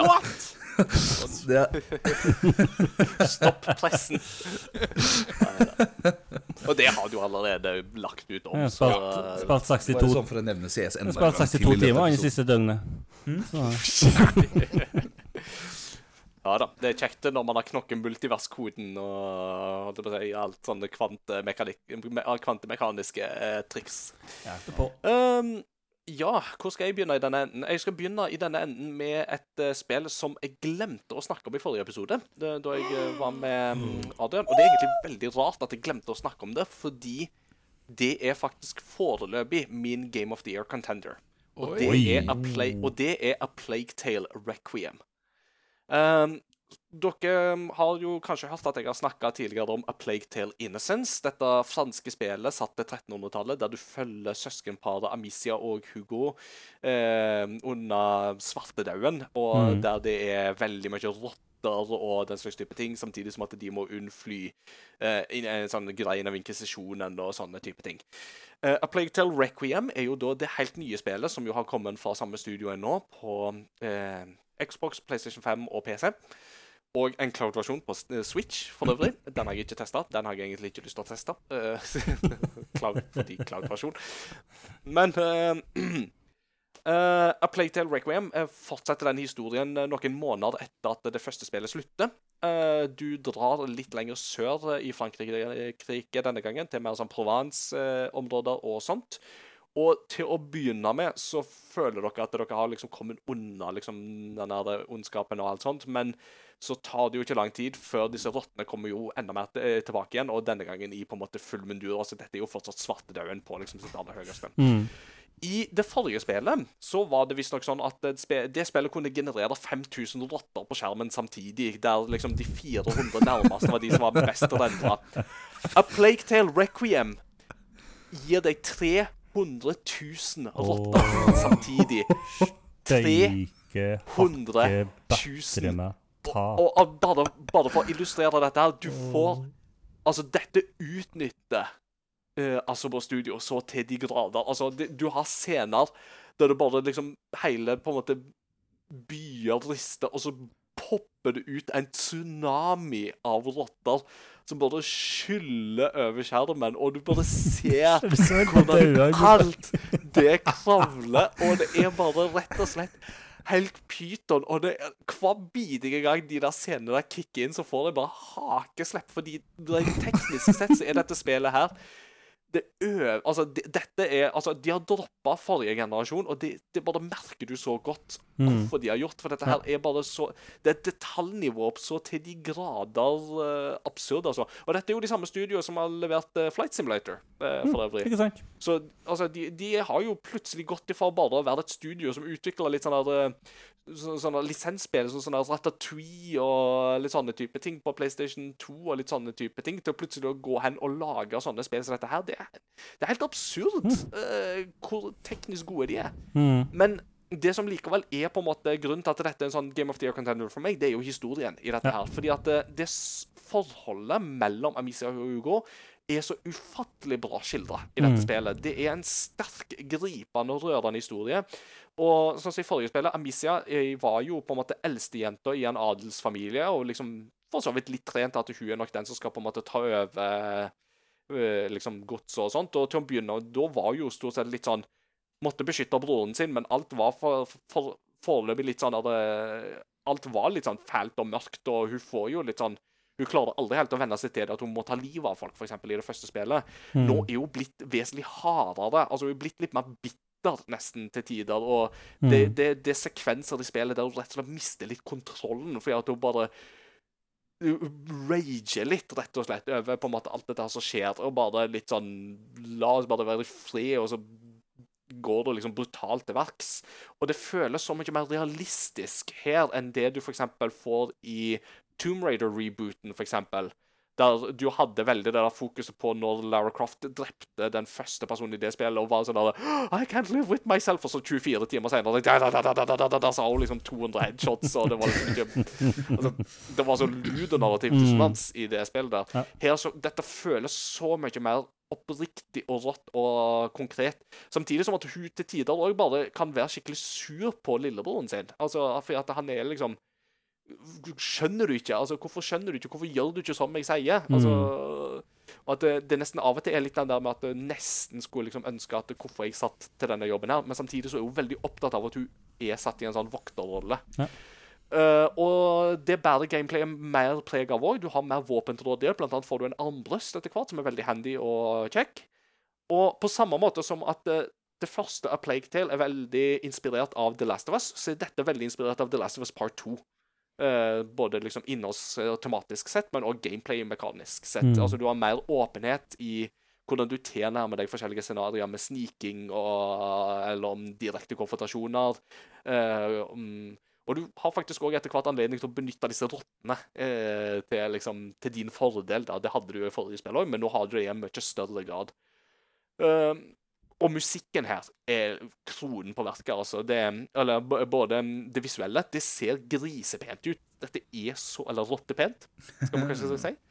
Uh, det er rett og slett så pent, dette spillet her. er veldig, veldig imponerende. Og, men òg lyden i dette spillet her. Altså musikken eh, til Olivier de Rivière, som jo har blant annet komponert eh, Remember Me og Streets of Rage 4 uh, har jo han annet stått for. Mm. Dette er noe av det beste han har laga. Altså. Det er emosjonell og kjempevakker musikk på ene sida, med liksom gregoriansk sang og kirkekoraler fra sein middelalder. eh, til at du plutselig får, når disse rottene kommer inn, så er det veldig mye sånn cello som bare blir liksom strøket på. Det er liksom Mm. OK, nå, kan jeg forbi nå forbinder jeg haier med cello, og jeg forbinder rotter med cello. Greit. Cello er ondskapens instrument, tydeligvis. Sorry, Martin, hvis du hører på. Ja. Du, du vil ikke være enig. Så for meg, altså A Plague Tale Requiem uh, har noen små svakheter. Blant annet så kjører det kun i 30 FPS på konsoll. Det er litt synd, uh, særlig når forgjengeren uh, kjørte i 60 FPS på PS5 og Xbox. Hm. Men jeg skjønner hvorfor de har gjort det, med tanke på liksom den tekniske Hvor teknisk imponerende det er sånn ellers. Og igjen, spill dette med fransk tale. Eh, den engelske voice-actinga føles ikke helt riktig, men det er veldig åpenbart at eh, de har jobba tett med de fra Altså, dette er franskmenn som har laga, og når du hører det på fransk, så føles det mye mer naturlig, selv om du ikke kan fransk. Eh, så selv om du ikke kan fransk, jeg anbefaler det sterkt eh, på den fronten der. Og foreløpig min Game of the Year, contender nummer én. Eh, jeg antar at en fordel, men må du spille eneren for å spille Requiem? Ja, eh, her bør du faktisk det. Det gis ikke noe recap av historien i det forrige spillet. Uh, og jeg vil si at det- båndet mellom Amicia og Hugo blir sterkere for deg som spiller i oppfølgeren, hvis du har spilt det første spillet. Mm. Ja. Jeg har jo planlagt å spille begge to, men det bare går Mm. Ja, sent. Eh, og jeg eh, er jo redd for at dette er et spill som mange kommer til å gå glipp av. For fordi at det første spillet altså, det første spillet var liksom litt sånn double A i liksom budsjettstørrelse og sånt. Dette er en veldig sånn hardt oppe i triple A contender-nivå. Og jeg, jeg håper virkelig at folk får dette med seg, for dette er definitivt et eh, rikt og godt spill. Ja. Eh, andre ting jeg har spilt Jeg har spilt Tunic. Jeg har spilt ferdig. Det òg er en uh, artig Game of the Year contender, men det kommer nok ikke helt på topp i min liste. Men absolutt får det spilt, altså. Det er òg kjempeimponerende. Ikke minst at det er én person som mer eller mindre står bak hele greia. Kjempespennende. Litt flere timer i Xenoblade Chronicles 3. Nå føler jeg at jeg er liksom litt i gang med det spillet. Og dette, dette føles som et solid steg opp uh, fra Xenoblade Chronicles 2. Altså, det føles som at noen i art departmenten til Monolith har spilt Persona 5, og så bare sånn Oi, de hadde kult character design. La oss gå vekk fra disse her eh, veldig anime bazongas-jentene vi hadde i Xenoblade Chronicles 2, og så heller gjør noe sånt i stedet. Og så har du fått characters i Xenoblade Chronicles 3. Mye mer spennende, uh, og der òg kongemusikk og veldig bra ja, Mye lettere å spille og mye renere brukergrensesnitt. Uh, mye mer ryddig og lettere å ha oversikt over. Så det kommer vi noe mer tilbake til. Og så har jeg et spill som jeg har satt i parentes, for det tror jeg jeg skal snakke mer om neste gang, for det holder jeg på å anmelde nå. Eh, Men et spill som jeg vil ta opp til slutt, og som er grunnen til at denne episoden kommer ut litt senere på mandag, eh, det er fordi at jeg har en sperrefrist på dette spillet. Eh, Men når denne episoden er ute, mandag klokka tre, så har jeg lov til å snakke om dette spillet, og det er Pentiment som kommer fra Obsidian Entertainment, altså studio bak Fallout New Vegas og The Outer Worlds, og som gis ut av Microsoft, og som kommer på GamePass. Pentiment er et spill som ser ut som 1500-tallsmalerier. Altså, dette ser ut som middelalderkunst i levende live. Og du spiller da i en setting som er satt til Europa på 1500-tallet. Uh, og dette er et særdeles unikt og spennende spill, fordi dette er veldig dialogtungt. Her må du ta valg eh, og diverse ymse. Så dette er ikke for de som kun liker fast-paced action. Men hvis du liker storytunge spill, med, hvis du liker middelaldersetting, og hvis du liker middelaldersettinger der de faktisk skildrer en realistisk take på middelalderen, med all dens kompleksiteter og dybde, og ikke bare sånn Å, det var en mørk og grusom tid, og det trodde de på kirka, og kirka var ond, og det, det, det. Her har du en jeg, jeg tror jeg aldri har spilt et spill som har så blikk på historiske detaljer for den epoken der, som det Pentiment gjør. Eh, og altså, dette føles som å Dette føles som om noen har tatt Umberto Ecos bok 'Rosens navn', en av mine favorittbøker, by the way, satt den til Bavaria istedenfor Nord-Italia, og satt den til 1500-tallet istedenfor 1300-tallet. Men det er veldig mye likheter der. Her er det et mord på et kloster, og dette klosteret skjuler selvsagt noen hemmeligheter som noen ikke vil skal komme til syne, og du må løse disse gåtene eh, i rollen som Andreas Maler, en ja, maler. Eh, som eh, for, så, så, men, men sånn var det jo i Tyskland. ikke sant? Altså, alle i dette spillet har etternavn basert på hva yrke de har. Altså Mølleren, han heter Müller. Eh, boktrykkeren, han heter Drykker. Eh, videre og så. Så det, det, det er liksom sånn etternavn funker i dette spillet her. Og så er det jo sånn at du må ta valg. Og de valgene du tar, de får konsekvenser ganske langt fram i spillet. Eh, inkludert med liksom hva muligheter eh, Du må f.eks. bestemme hva din figur er god på. Da må du velge liksom blant de store vitenskapene og de små vitenskapene. Altså de tre store og de fire små. Eh, og det da inkluderer jo ting som retorikk, logikk, okkultisme, astronomi, eh, teologi osv. Mm. Um, og, og hva du velger der, får konsekvenser for hva liksom, dialogvalg og sånne ting du kan senere. For eksempel så fant jeg en bok som var sånn Å, dette, denne er interessant. Hvorfor vil de at den egentlig skal tas til side og brennes? Men den er på fransk. Jeg kan ikke lese fransk. Ikke nå, iallfall. Uh, så neste gang jeg spiller, så må jeg eventuelt spille på fransk for å finne ut av det. Og bare sånne ting som at eh, dette er et spill der um, uh, skrift spiller en veldig stor rolle. Sånn at eh, når eh, han Andreas får sånn inntrykk av at å, de er bare ukultiverte bønder, så har de sånn veldig ruglete, stygg håndskrift. Og så skjønner han å ja, nei, du har lest masse ting. Da blir plutselig skrifta veldig mye penere og snirklete og sånt. Og så alle, mm, all, all, alle som tilhører klosteret, de har selvsagt gotiske bokstaver når de snakker. Og boktrykkeren han får liksom alle bokstavene printa på én gang. og litt sånn. Det er masse sånne småting som det der. Men ja, det, ja, men det er denne her blikket for historiske detaljer. Det er den som virkelig griper meg her. altså, Og særlig fordi at jeg har jo studert litt kirkehistorie. Dette er spillet som treffer på kirkehistorie, altså. Eh, bare sånn, Allerede den første halvtimen så kommer en lokal baron på besøk, og du, han jo sånn 'Å, du er en ed educated man. La oss ri og snakke litt sammen.' 'Ja, hva syns du om disse 95 tesene til han Martin Luther? Er ikke de litt spennende?'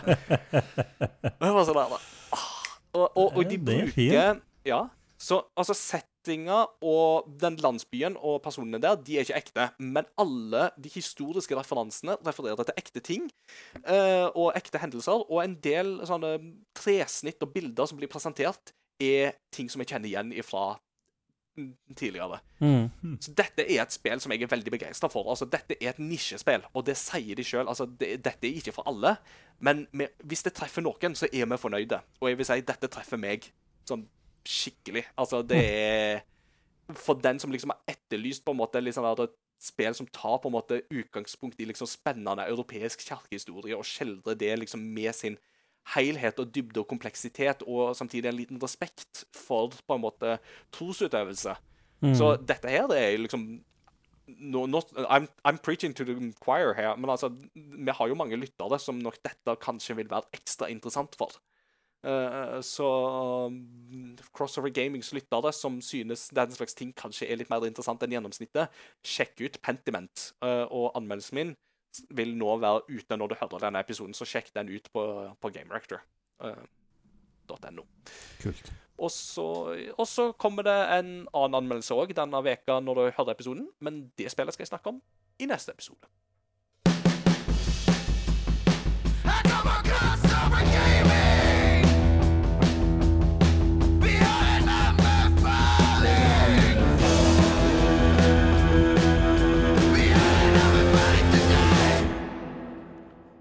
Ja, da er det klart for en anbefaling. Og det som er interessant nå, det er at nå er jeg litt usikker på hvem det er som skal ta anbefalingen. Så nå er jo spørsmålet er det noen som har en anbefaling på lager som de vil komme med. Hvis ikke, så kan jeg sikkert skyte fra hofta og slenge ut eh, noe, jeg, altså. Jeg Har jo snakka veldig høyt og langt fram om God of War, da. Denne episoden her. Ja. Um, siden vi eh, så nå sjøl at ingen har eh, skrevet seg opp her, um, så er God of War absolutt et spill som må testes hvis du ikke har gjort det sjøl. Og, og um, Jon Edvard, har du spilt God of War? Jeg har spilt gjennom God of War. Jeg eh, holder på nå med min andre gjennomspilling, men det er helt mesterlig spill, så jeg er veldig enig med den anbefalingen. Og det, og, ja, for det var liksom bare det, og det er til tross for at det er den type spill du ikke er glad i, er ikke det?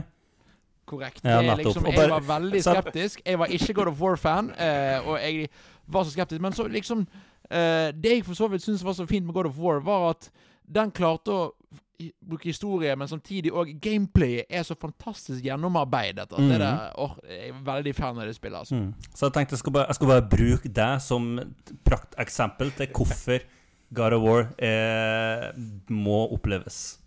Helt greit. Og, altså, hvis, hvis du plukker opp God of War og er usikker på om dette er til deg, spill fram til den første bossfighten. Mm.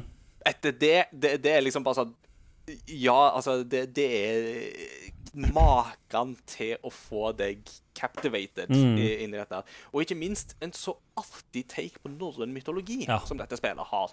Syns jo er veldig spennende. Altså, Der er det det der blikket for detaljer, men òg liksom den der som får fram eh, eh, Ja, altså, vikingmytologi og litt sånt kan jo av og til bli litt sånn Man kan jo av og til idyllisere det litt, liksom, men det er liksom, her får du fram litt av den der råskapen som ligger i det, og det Mm. syns jeg jo er veldig spennende. ikke sant? Og dette som jo har kjennet til med oppfølgeren òg, der du har hatt noen av gudene som har, blitt, har fått en kroppsfysikk som kanskje ikke alle har syntes er så bra. Så er det bare sånn Ja, men se hva han gjør i norrøn mytologi. Han eter og drikker hele dagen. Selvsagt er han fysikken deretter.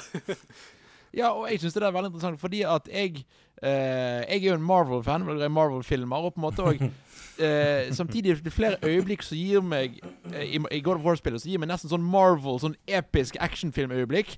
Samtidig så representasjon, eller versjonen av norrøn mytologi er jo i totalt andre enden av eh, Chris Hemsworth og Tom Hiddleston i eh, Marvel-universet. Helt sant. Det eneste som mangler, det er jo bare at Kratos kommer til å si This boy, I like him. Another!